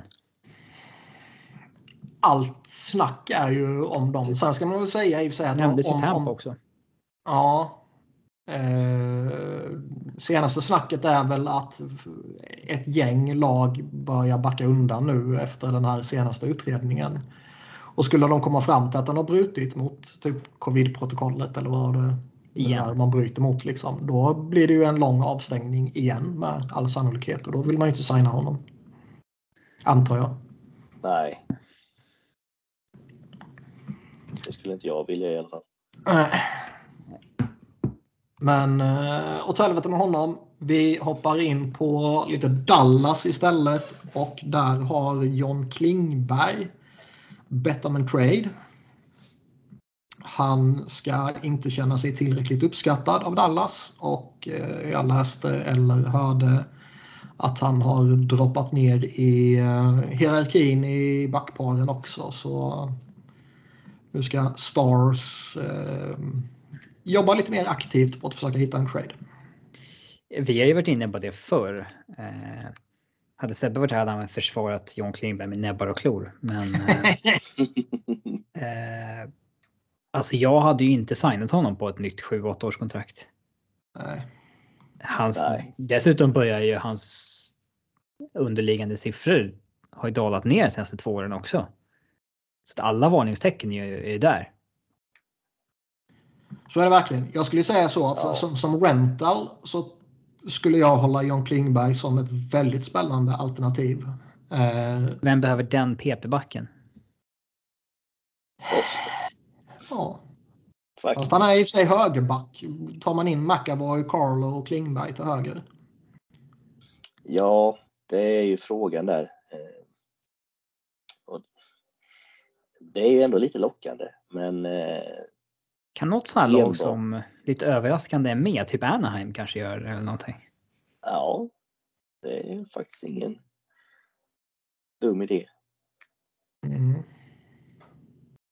Washington är alltid sugen på en sån där. Så. Reds kanske har ett hål efter Ellis där. Ja, Rangers. Det Ja. finns absolut. Carolina tror jag har nämnts. Ja, Men, eh, nej, men som vi sa, alltså signa upp honom sen. Det, nej, det vill jag verkligen inte göra. nej, en rental så absolut. Jag kan faktiskt se att alltså, lag börjar bli så pass medvetna om sånt här nu att det är inte längre en garanti på att de här spelarna alltid får de där kontrakten. Nej, Eh, det är så. Då hade Tyson Barron suttit på åtta år eh, efter att han skickades från Avs till Toronto där. Mm. Eh, men det fick han ju inte. Nej. Han vill ha åtta gånger åtta i Colorado. Det kändes ju inte stört då med 65 poäng varje säsong i typ fem år. Mm. Men eh, Mm. Skulle du ta in Klingberg till Colorado? nej. Nu är ju Bowen Byram.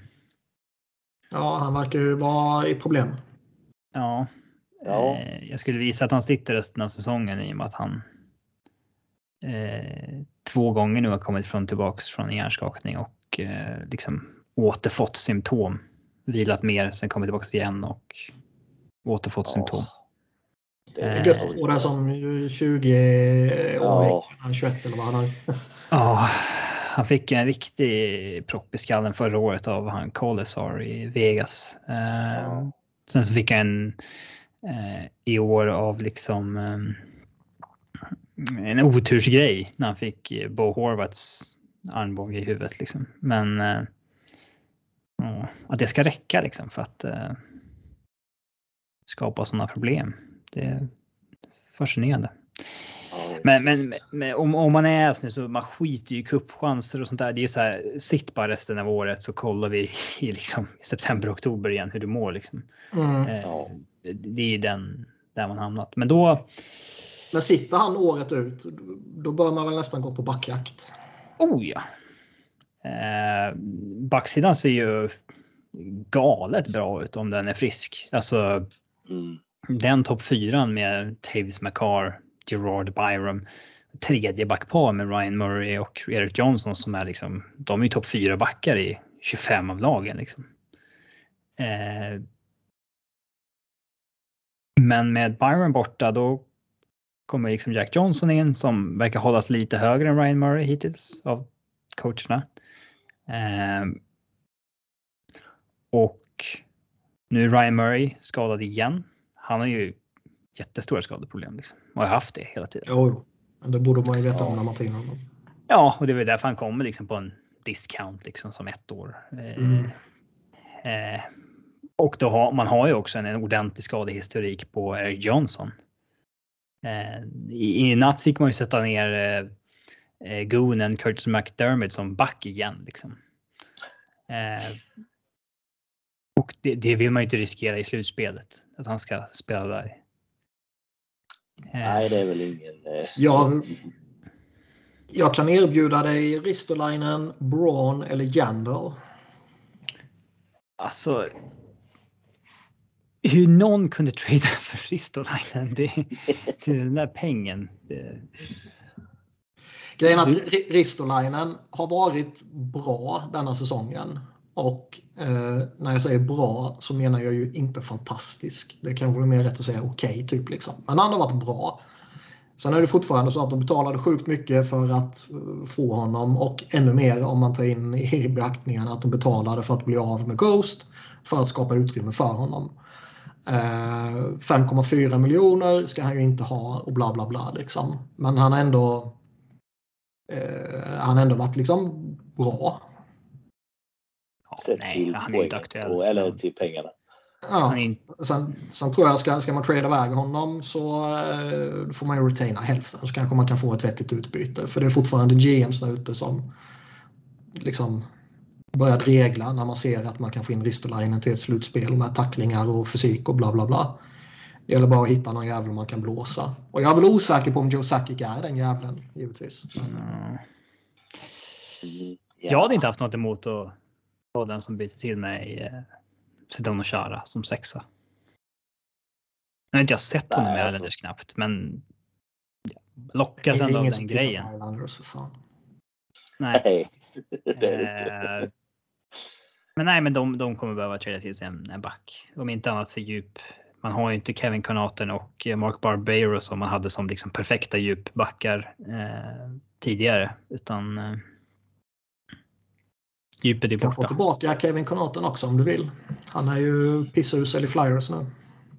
Mm. Men det är ju den här typiska killen du har som 7-8 när det verkligen krisar liksom. Som ändå är, han kan röra sig och sånt där som inte alla kan. Jo. Eh, Som går in och gör jobbet liksom som man förväntar sig av dem. ja, typ. Vill du ha Claude Giroux då? Det är ju många Flyers-supportrar som vill se honom i Colorado. Dels för att Colorado typ är roliga att titta på och dels för att de är contenders. Jag ser ingen naturlig plats för honom, varken i line-upen eller i eh, alltså cap-mässigt. Ehm, Kappen kan man ju lösa så att den blir 2, någonting genom att eh, Flyers retainar hälften och skickar honom via Arizona och så retainar de hälften och får ett halvdant pick typ. ja, så, så är det Ehm, Men. ehm, nej, jag, alltså. Det är inte så att man har ett gapande hål på en av platserna i PP1 eller sådär. Ehm, så att nej, jag, jag, jag, jag, tror inte Colorado är någon superfit för uh, Giroux. Nej, det tror inte jag heller. Jag tror mer det är folk som eh, placerar in honom för att man vill se honom där. Typ, Man, man har ju en andra kedja med Burakovsky, Kadri och Nitushkin. Perfekt värld kanske Nitushkin är en tredje liner istället för en andra linare, men han har gjort otroligt mycket mål i år och eh, ja, det känns ju sådär att hela andra kedjan är pending UFA och gör career years allihop. Men det är ju så det är när man är i contender mode liksom. ja. Eh, vad, vad, vad tror ni någon kommer ge Kadri i sommar? Uff, den. Alltså, Alltså, jag vill ju inte, jag vill liksom sjuk. inte signa honom den här sommaren som var ett år i förtid. För att liksom 31 år gammal, gjorde bara 11 mål på 56 matcher. Sen den här avstängningen av slutspelet kom. Visst, han kanske var bra läge att signa på grund av det. Men ja, 31 år, haft sin svagaste säsong på länge.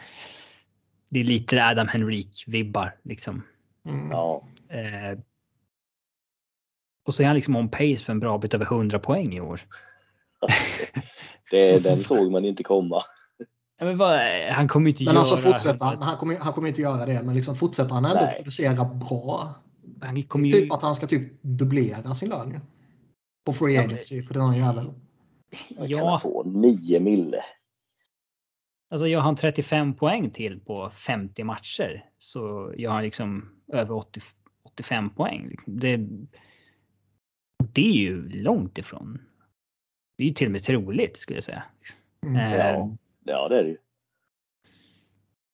Nej, ja, där är ju bara- Avs inte en chans att förlänga det. Så vem ska ge honom liksom åtta gånger sju? Man hittar alltid något desperat lag. Boston tappar Patrice Bergeron och slantar upp pengar till Kadri. På Han är ju väldigt. Boston-kompatibel. Ja, Det är ju väldigt mycket Boston över det. Det, är han kanske, men oh, herregud. Han hatas väldigt, väldigt, väldigt mycket i Boston. Det gör han ju överallt. Ja, sant. Nej, Du vet, tapp, tappa Patrice Bergeron nu, signa uh, Kadri till 8-9 miljoner och sen så går det ett år och sen tappar man Pasternak.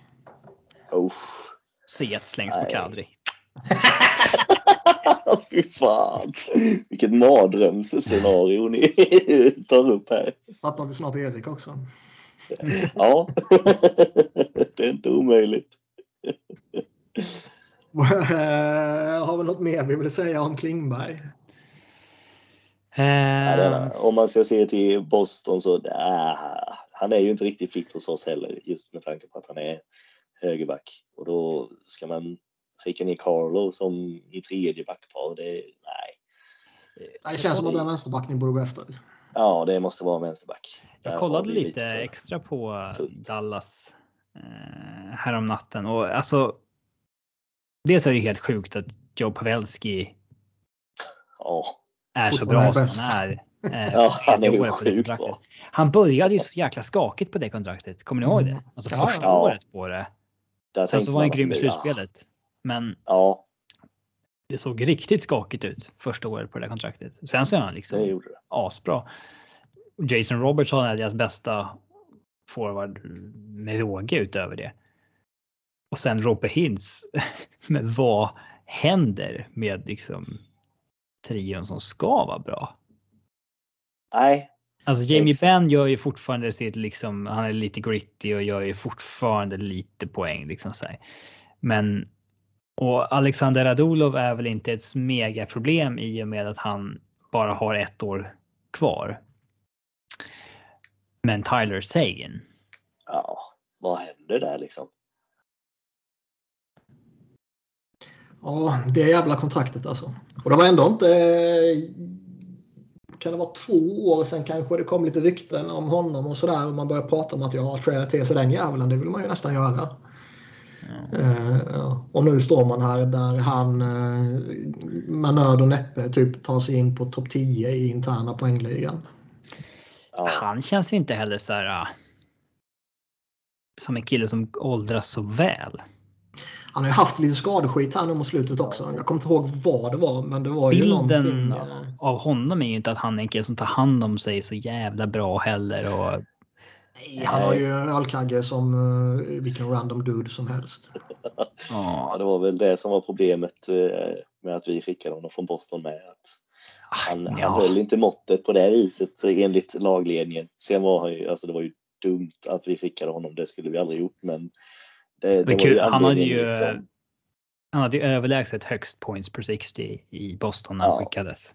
Ja, Men det tror jag inte de visste vad det var ens en gång nej, det tror inte jag Eh, heller. på den tiden. Eh, det är kul när någon... Ja, för att återkomma till den här behind the beast dokumentären när man får se. ja, Det är verkligen Jim Benning som pushar för att skicka Tyler Sagan. Chiarelli är ju lite sådär och någon annan ser också emot så här but uh, I mean we will miss his speed you know. ja, den så, "Hey, I enda som vi har. Yeah, yeah. The regular season will miss his speed. Yeah. Det var verkligen så här. Nu hittar vi en scapegoat för att vi torskar finalen här mot eh, Chicago. Det, Ja. Är Ja, det det, är väl lillebrorsan Gretzky va? Som säger typ så här. If he gives us half of what Kane gives Chicago, we'll win the Stanley Cup. Ja. Ehm, Det stämmer ju. men nu är han ju värdelös så att. eh, Ja. In Eh. hindsight, vi gjorde rätt. ja. Inte direkt kanske just då. Nej, men jag menar man, man kan ju trada iväg bra unga spelare eh, och sen så blir de superstjärnor. Men man får ändå ut något bra av det och eh, det är en win-win trade. Så själva beslutet i sig behöver ju inte nödvändigtvis vara rätt. Problemet för Bostons del är som, som vi sa tidigare att de gjort det några gånger nu och de får liksom ingenting tillbaka för det. Nej, liksom, ja, jo, Louis Eriksson var bra i en eller två säsonger. Men Ja, sen då? det, det hände inte mycket mer efter det. Nej, så är det ju. Men eh, om vi pratar Boston och backförstärkningar och Klingberg känns fel. Kanske Jacob Chychrun är ett bättre alternativ.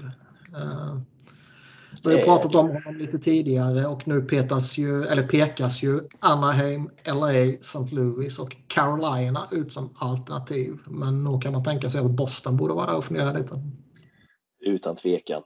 Eh, han skulle ju, tänker jag, passa in väldigt, väldigt bra eh, hos oss. Och eh, det har ju ryktats lite om en sån som Lawson Krause eh, också. Mm. Väldigt typisk Boston-kompatibel spelare. Ja. Så få ut någonting därifrån. Om man nu ska gå för det i år så Chikrin är ju verkligen ett namn som är väldigt intressant för oss då.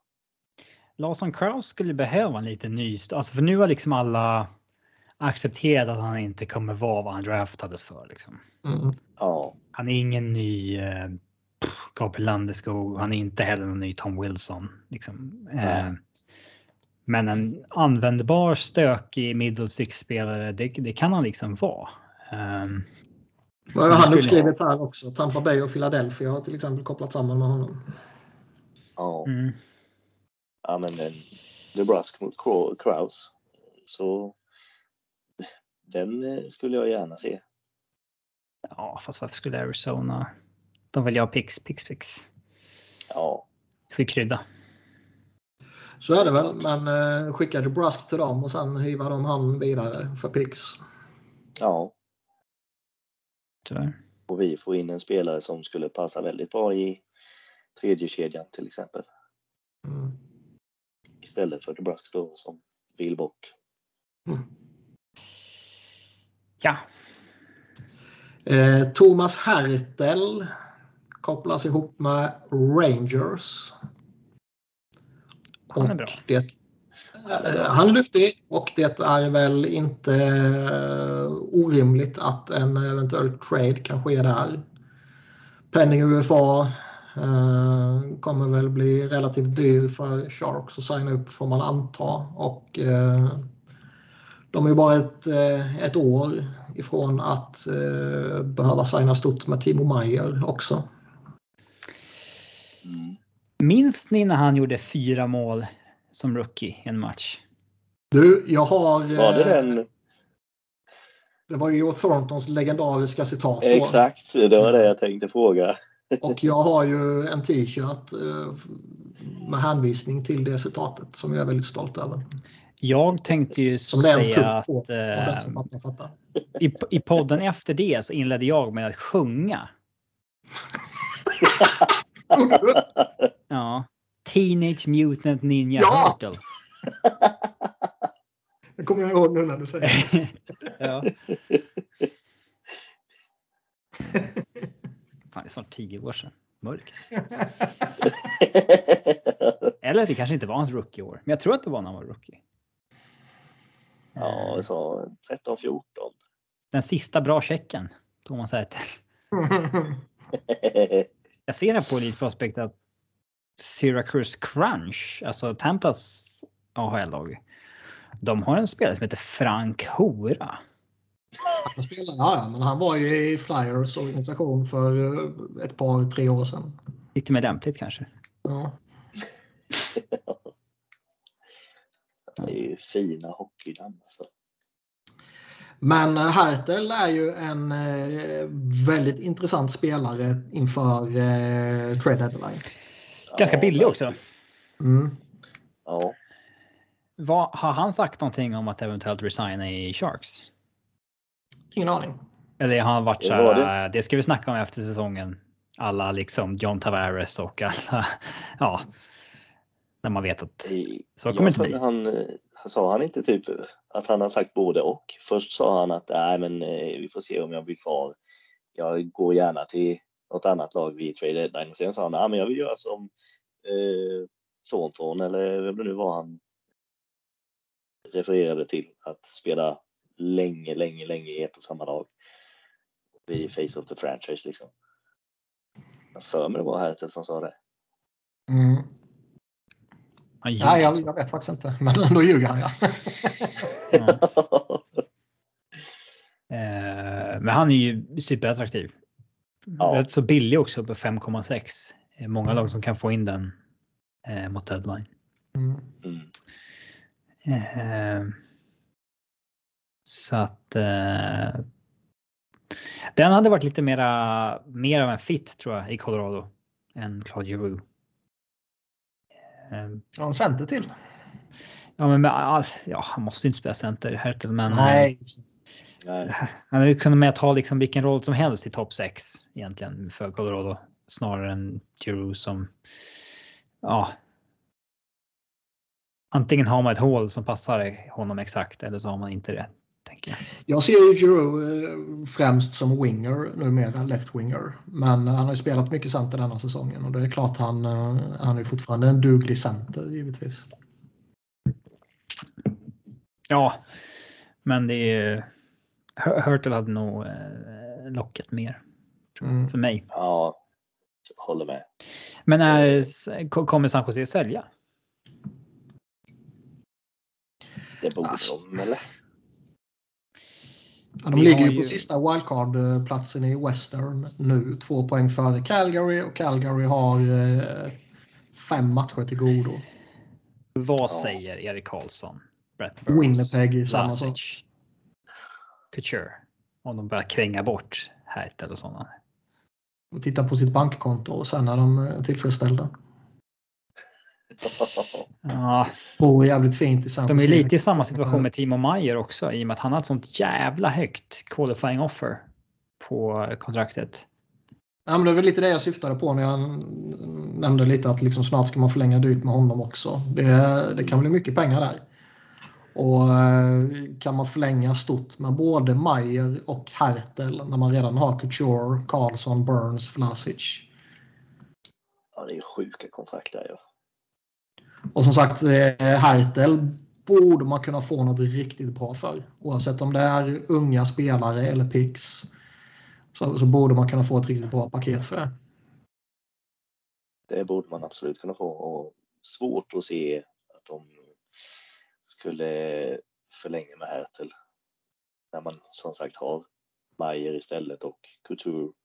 Det- Det är många miljoner som försvinner på Karlsson, Burns och Vlasic. Ja, det kan ju vara det att de bara inte har råd heller. Ja, Det är lite så. tanke på vad de kostar. Mm. Men han är väl kanske den mest eftertraktade forwarden framåt deadline. Det borde han vara. Ja, eh, definitivt i, i toppskiktet. Sen eh, har man inte riktigt redan i huvudet vilka som kommer vara där tillsammans med honom. Nej. Det eh, ryktas också att Jaroslav Halak kanske är tillgänglig för en trade. Det är väl kanske inte det mest eh, spännande namnet att slänga upp så här. Men eh, någon jävla GM vill säkert ha någon målvakt till slutspelet. Det är väl kanske för tidigt för det än dock. Ja, det, det, det säger vi inte ofta så, men sen i slutändan så är det ganska få målvakter som tradas inför ett slutspel. Jo, det finns ju bara eh, ett visst antal målvaktsplatser att Ja. fylla ut. Liksom. Ja, precis. Nu kanske i och för sig denna säsongen med, med vad heter det? Taxiskåden. När de återinförde taxiskåden. Ja. Ja. Så finns det ju lite mer manöverutrymme att kunna hantera tre stycken på ett, eh, eh, okej sätt kanske man kan säga.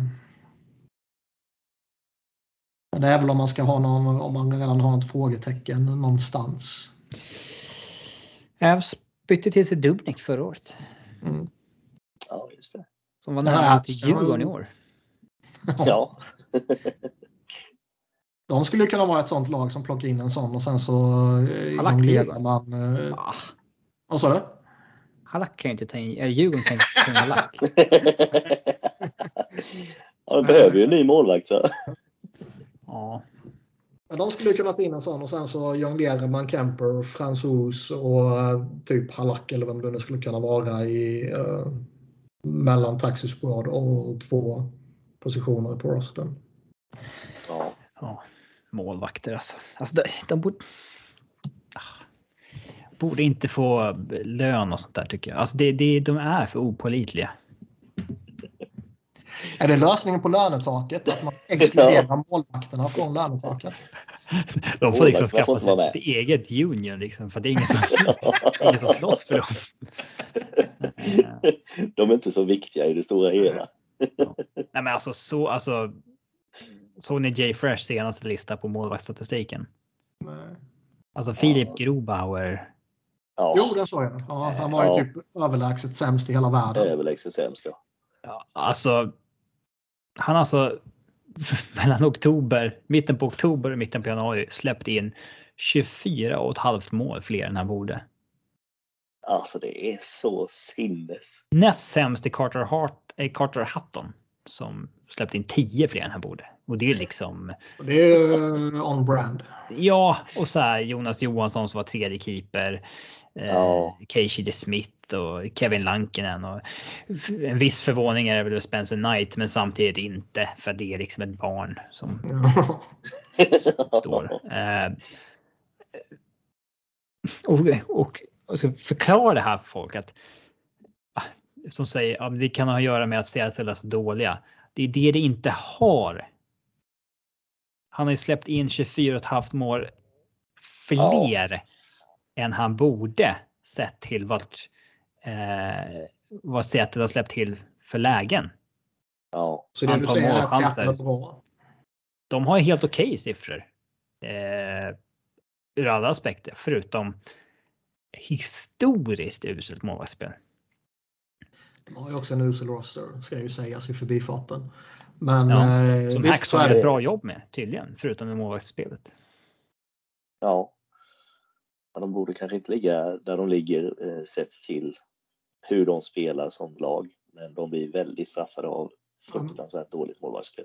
Om jag någonsin ska klippa bort något så är det ju när Robin bara flikar in att Hackstall gör ett bra jobb. Det gör han inte, det vet du. Det vet vi alla. Håll käften. Ja, det, det är sant. Gör Berube ett bra jobb i St. Louis då? Ja.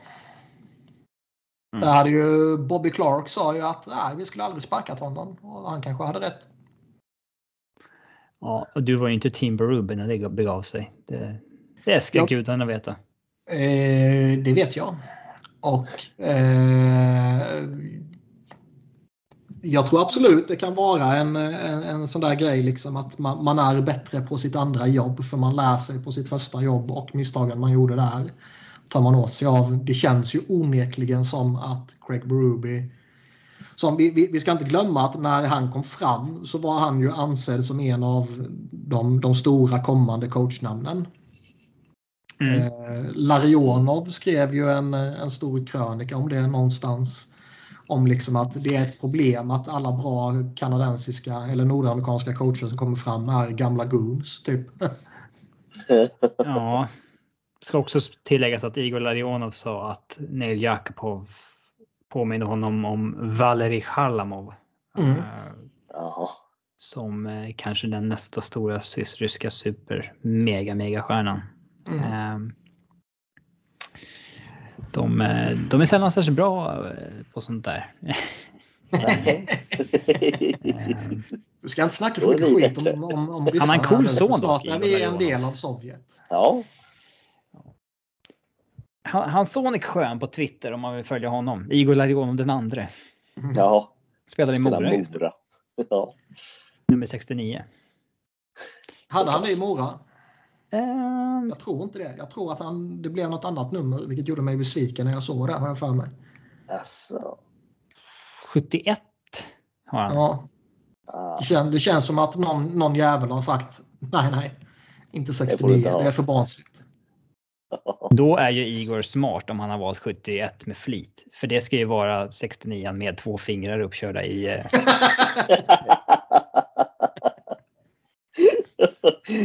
Episkt. eh? I anus ska sägas om, om vi skulle klargöra. Om ingen förstod det. 71 Jag tror jag förklarar det. Knullas på NHL-läktarna. Ja, just det. Just det, just det. Eh, jag, jag bara såg det där namnet Kodak Black i Twitter. Jag behövde googla så här, vad är det? Aldrig- Ja, samma här. Jag har aldrig hört talas om liksom Nej, eh, personen. det var Men visst, ja. varför har folk skrivit om det. Jag har Man- inte sett, eh, alltså har klippen varit ute så att säga? Att Man kan... Alltså det, man ser ju ett klipp och det är det som är så roligt. Han är ju i en loge jämte Floridas eh, Brain Crust med Bobby Lou och gänget. Ja, Och så är han själv med en tjej och typ sina två livvakter eller någonting i den logen. Och det är ju filmat från alltså andra sidan av isen då. Ja. Liksom, som har filmat över hela arenan så man ser inte jättetydligt. Men sen är det ju någon film som, som kom fram i efterhand som är filmat eh, precis jämte typ. från sidan typ. Liksom, ja. Och där, där hävdar de att nej men de dansar bara. Och visst det, det kanske man kan se där. Men det kan vara staged. att det har kommit fram, vad fan vet. Bobby, Bobby Lou eh, bryter ju sin eh, Twitter eh, bojkott efter att ha blivit officiellt anställd genom att twittra om just den situationen. Vad, vad, vad var han twittrade? Eh, jag ska se. Vad heter han? Strombo heter han. Strombo. Kommer ni ihåg när han, det var liksom en, ingen riktigt visste vem som var bakom det där Twitterkontot? Eh, eh, ja, EA announcer, please keep your eyes on the puck at all times. Everyone. Okay. Kodak. Honey, turn around. It's not safe. ja, Man, man ser ju, man, det, det, enda, det enda jag har framför mig är ju, ni kommer ihåg George Bush när han sitter och läser den här barnboken för en skolklass typ. Och sen Mm. kommer Ja, en, en dude till honom och informerar honom om att eh, han säger 11 ord till George Bush. Kan någon naila vilka det är? nej, there's been an attack on the World Trade Center eller någonting. Nej, A second plane hit the second tower. America is under attack. Mm. ja, just det, just det. Han, han, får, han får ju det viskat i öronen på sig och sen så bara ser man verkligen hur han bara fryser till och sen fortsätter han läsa typ.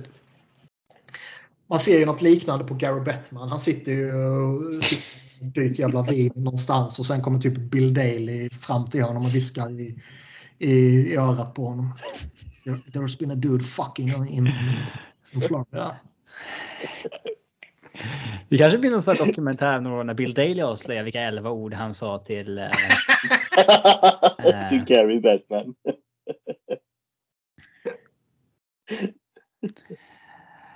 Ja.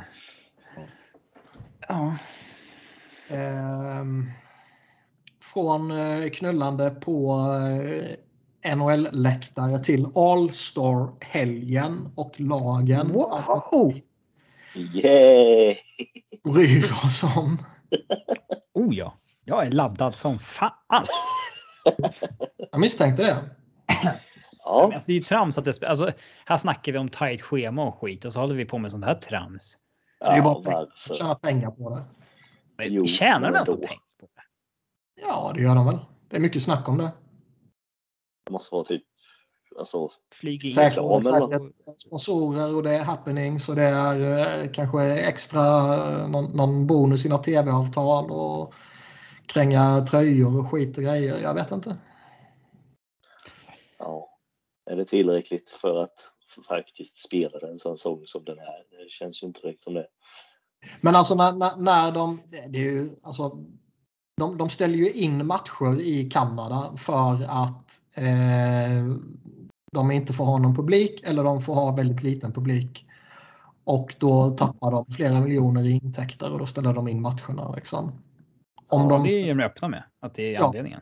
Ja, om de då ställer in matcher av den anledningen så kommer de aldrig ställa in All-Star-helgen om de tjänar mycket pengar på den helgen. Det är ju pengar som går rätt in i ligan också. Ja. Ja, precis. Eh, jag pallar verkligen inte bry mig om vilka spelare som blev uttagna och vilka som blev petade. Jag är bara besviken på att Claude Drew blev uttagen för jag ser hellre att han vilar. Men Nathan McKinnon var ute och svingade lite. Ja, det är kul ändå att han säger det. Det är kul. Uppmuntrande. Ja, Eh, det var ju inte lika retweetat hans efterföljande citat. Eh, men att han, han tycker att det är ett skämt att, att en, en spelare från varje lag ska dit. Ja. Eh, andra tweeten som liksom inte blev lika det är att han själv säger att han åkte ju dit under Ävs 48 poäng säsong och han tyckte att jag har absolut inget här att göra. Liksom. Mm. Eh, och visst fan kan man, visst var All-star-helgen har ju aldrig varit något av värde, men man kan ändå sakna när det var USA mot Europa och det, alltså det fanns ändå någonting man kunde sätta Kanada på var med C- också. man kunde sätta på CV ändå att han har varit uttagen fem All-star matcher eller tio All-star matcher. Alltså det var ändå någonting av värde. Ja, det var ju en bedrift back in the days. Ja, det var det. Och så var det ju verkligen att okej, nu, nu summerar vi den här snubbens karriär. Han har vunnit kuppen två gånger. Han vann... eh, Så räckte de four All-Star games och så Och sen vidare. så Ja. sju All-Star-matcher. Ja. Fan, skulle vi inte kunna hitta tillbaks till det istället? Alltså, storyn den här helgen ska ju vara att Ävs har liksom sju spelare där. Att liksom laget är så pass bra nu att det. Alltså, det, det är ju mycket mer rimligt. Och, ja. Sen ska det inte vara. Alltså, ju mer NHL petade så sämre blir ju hela spektaklet. Oh, ja. Det ska bara vara tre mot tre liksom. Alltså. Det är ju i sig... Eh, tre, tre mot tre spelet är ju det enda som gör att man eventuellt kanske vill titta Nej. på det. Men det kommer jag Inte göra. jävla träningsmatch. Alltså, nej. nej. Nej, det är ju bara en skit egentligen.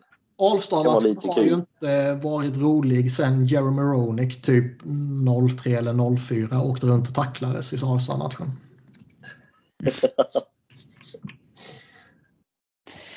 Ja. Men Jag skulle önska att de gick tillbaks till att det var USA mot Europa och typ någon form av neutral kommitté som tog ut lagen. Eh, där det blev liksom lite status i att bli uttagen igen. Man kan ju inte låta spelarna göra det själva väl.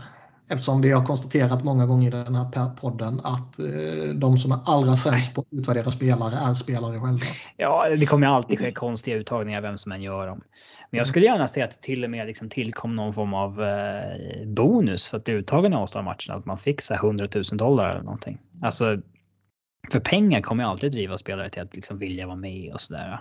Mm. Eh, och, ja, jag, jag vill tillbaks till det. Så, så, det här. Och att fans ska hålla på och rösta. Fy fan vilket trams. Liksom. Ja, Ja. Skit. Alltså, och spelarna blir allt mindre och mindre sugna på att ens vara med. Nej, men det har man ju sett genom åren där folk tackar nej och så blir de avstängda en match och så tar de det med glädje. Nu verkar det ju som att NHL har kollat upp innan vilka som, eh, Vilka som vill åka dit. ja, vilka som hade vägrat åka och de inte blev uttagna. Mm. Jag tror ju inte att Sidney Crosby nobbas från All-Star-matchen. Nej, lite så. Nej, det. För att Tristan Jarry ska med. Mm. Och så, blir- alltså, det är ju ännu mer trams när liksom. De måste ju ta ut två målvakter från varje division. Alltså liksom. Och. Då ska liksom Cam Talbot komma med i All-Star-matchen. Ja, nej, det, är ju... det går inte att ta det på allvar och eh, man kommer givetvis inte titta på skiten. Kanske, kanske, kanske tittar man på Skills Competition i efterhand. Exakt, det var det jag... Ja, man kan trycka plus det är 10. såklart Lite kul. Mellanskott. Ja, Och se vem Exakt. som skjuter hårdast. Ja. Ja.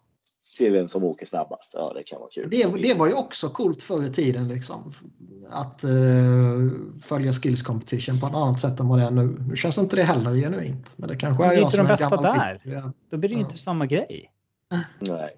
Det ska ju vara de allra bästa. Kvittar vilket lag man är ifrån. Ta dit Chara och eh, linda om Shea Webbers knä och sen låt dem skjuta. Liksom. Ja. Och Happy Gilmore swinga en också för... Då blir det show.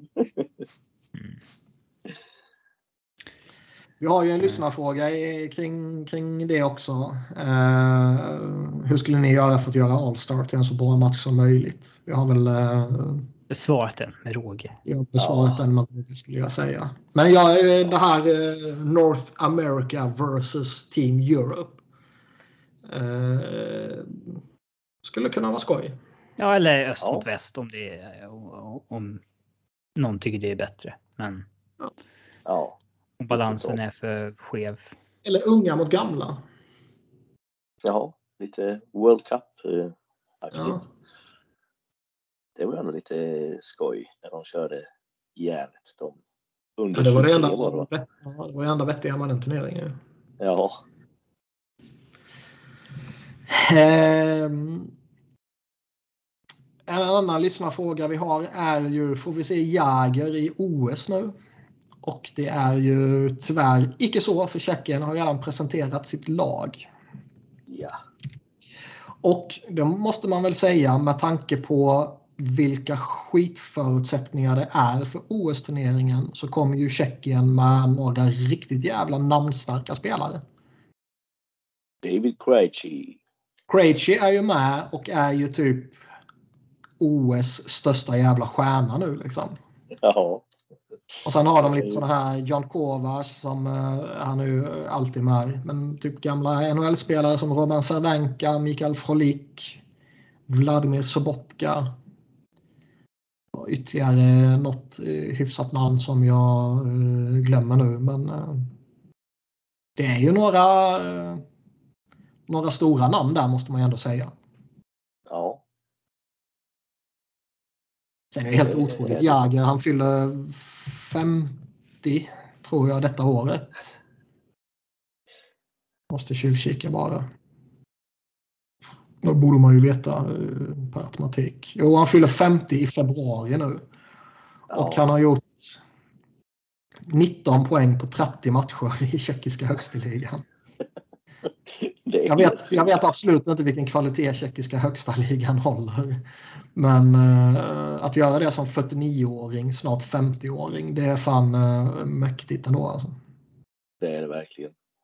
Den håller ju ändå en, ja, inte jättebra klass kanske, men ändå någorlunda. Man skulle ju, inte, inte så att jag längtar tillbaka till Tjeckien efter JVM-upplevelsen där, men man skulle ju fan nästan vilja åka ner och titta på honom innan han slutar. det hade varit skulle mäktigt. varit pandemi så skulle man ju fan gjort det. Alltså. Ja, går inte att åka någonstans. Eh, Nej. Eh, en annan lyssnarfråga vi har här som också har lite OS-fokus. Tror ni Eric Stahl siktar på NHL-comeback med tanke på OS? Han lär ju bli deras eh, stora affischnamn utöver talanger.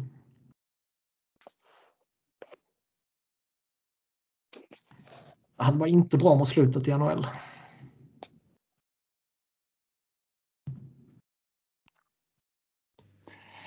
Nej, och det kommer inte bli ett kul OS oavsett om han är med eller inte. Det, Såg ni det här fejklaget som eh, någon la upp och som fick en jävla spridning för typ en dag eller två sedan?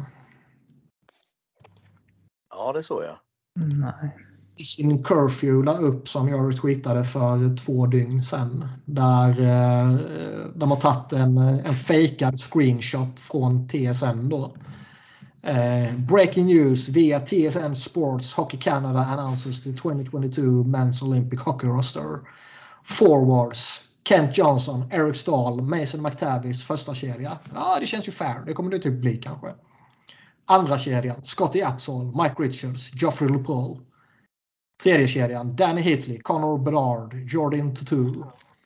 Den Daniel Winnick, Patrick Moller, Chris Forstig, P.A. Parentor, Nigel Dawes som är kazak numera typ. Och sen försvaret Owen Power, Mark Mathor, Willie Mitchell, Shane O'Brien, Kaden Gyle, Kevin Bieksa, Dion Faneuf, Carlo Koliakovo. Och sen Devon Dubnyk, Justin Park och Fred Brathwaite i, i mål. Det skulle vara episkt OS-lag om det, om det skulle bli så. Man skulle ta igång mer på det än på alla andra lagen. Ja, pensionärsturneringar. Men det, det var rätt uppenbart att det var fake. Eh, sista lyssnarfrågan här. Vilka lag tror ni kan göra de största förbättringarna och försämringarna i tabellen?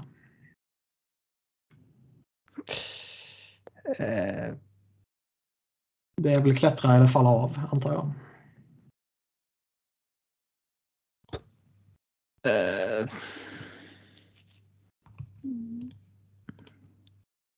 Man tycker ju att Winnipeg borde ju ha en förmåga att klättra. De har ju inte nått upp till potentialen som de har på pappret, tycker jag. ja. Ehm, Calgary borde ju klättra bara av att de tar igen matcherna de har till godo. Liksom. ja, man får ju rangordna på points percentage snarare än Ja. något annat. Men eh, Däremot är det svårt att se något sånt där uppenbart lag som bara ska falla av. Det är väl kanske LA eller Anaheim i Pacific. Annars känns det som att Rangers är ju 26 i 5 mot 5 med expected goals differens. mm, Hör ni mig fortfarande? Ja. Oh, bra. Um, Seattle kan nog komma smygande lite om de får ordning på målvaktsspelet. Ja. de är många jävla poäng bakom alltså. De är för många Mm. poäng bakom. Men det är mer än halva säsongen kvar. Ja, det är det som är så helt sjukt. Mer, mer än halva säsongen är kvar och jag har redan gett upp allt jävla hopp om det här jävla skitorangea laget. Flyers kommer inte vara äh, klättra. Det, det kan vi. Nej, de är ju en kandidat för att falla av ännu mer fan och det är väl bara bra. Visst har man kvar årets förstahundspick? Eh, man tradade ju bort picks ut av helvete men first rounders har man kvar. Ja. I år? Och nästa år. Okej. Så det är ju bra. Däremot har man ju tappat second rounders så det är väl kanske hanterbart sådär. Men det, ja, nej, jag vet. Det känns ju ändå, alltså tradar man Claude Giroux så borde man ju ha en first rounder där. Dock är det en väldigt sen sådan får man ju anta. ja, det lär det ju vara. Däremot har Elliot Friedman har ju slängt upp Ivan Provorovs namn. Och eh, man borde kunna få ett väldigt bra utbyte för honom kan jag tänka mig. Det borde man kunna få. Man kan inte byta bort allt som ändå ska vara någon form av stomme till att bli bra igen kommande året, åren. Liksom. Nej, och mycket av snacket som går kring Flyers nu är ju att de, eh, de eh, diskuterar och argumenterar för vilken riktning de ska gå nu. Ska de fortsätta försöka vara competitive och, och göra något åt det över sommaren eller ska de eh, Spränga skiten. spränga Ja. skiten och, och verkligen gå för en rebuild igen. Och då är det ju, väljer man det senare så ska det ju skicka spelare utav helvete inför deadline. Då har vi ju Giroux som kanske inte vill vara kvar och då bör man ju trada honom för att få någonting för honom och då borde man kunna få något bra. Och sen så alla de backarna jag nämnde till, för dig tidigare, Ristolainen, Braun, Jandal, Canaton, Sealer, kan man, Martin Jones, Penny UFA också. Kan man bara få några picks för dem så skicka alla liksom. Gör vad du kan för att bli av med JVR. Man kanske gör en hockeytrade med Connectney. Ja. Lindblom, Lafton och förmodligen djupspelare som många skulle vara intresserade av. Det, Men så blir det ju inte. Nej, det tror inte jag heller. Jag tror man kommer, eh, man kommer landa i att man, eh, man skriver av den här säsongen och skyller på att eh, man har haft skadeproblem på tre nyckelspelare i Ryan Ellis, Sean Couturier och Kevin Hayes. Och sen så kanske man gör någon liten tweak här och där vid deadline och över sommaren och sen så kommer man försöka igen nästa år. Och med samma resultat kanske. Förmodligen samma resultat men med förhoppningsvis en annorlunda coach. Ja, Mike Joe är eh, liksom, ska man bara ta den här säsongen i mål så duger han gott. Men han kan fan inte få fortsätta. Eh, Det måste in något riktigt där. Ja. Har vi något mer vi vill säga eller ska vi runda av där? Nej, det är bra så för min del. ja, det är samma här. Vi har eh, nördat ner oss i Boston. Vi har snackat om knullandet på läktarna. Vi har eh, pratat Evander Kane. Så det känns som att vi har fått med allt det viktiga. Tycker jag. Ja, Eh, stort tack för att du var med Erik. Tusen tack för att jag fick vara med. Ja, så lite så. En stor ära för dig. Visst var det det? Vi, Stor ära för er också. Ja, vi, vi hörs nästa vecka.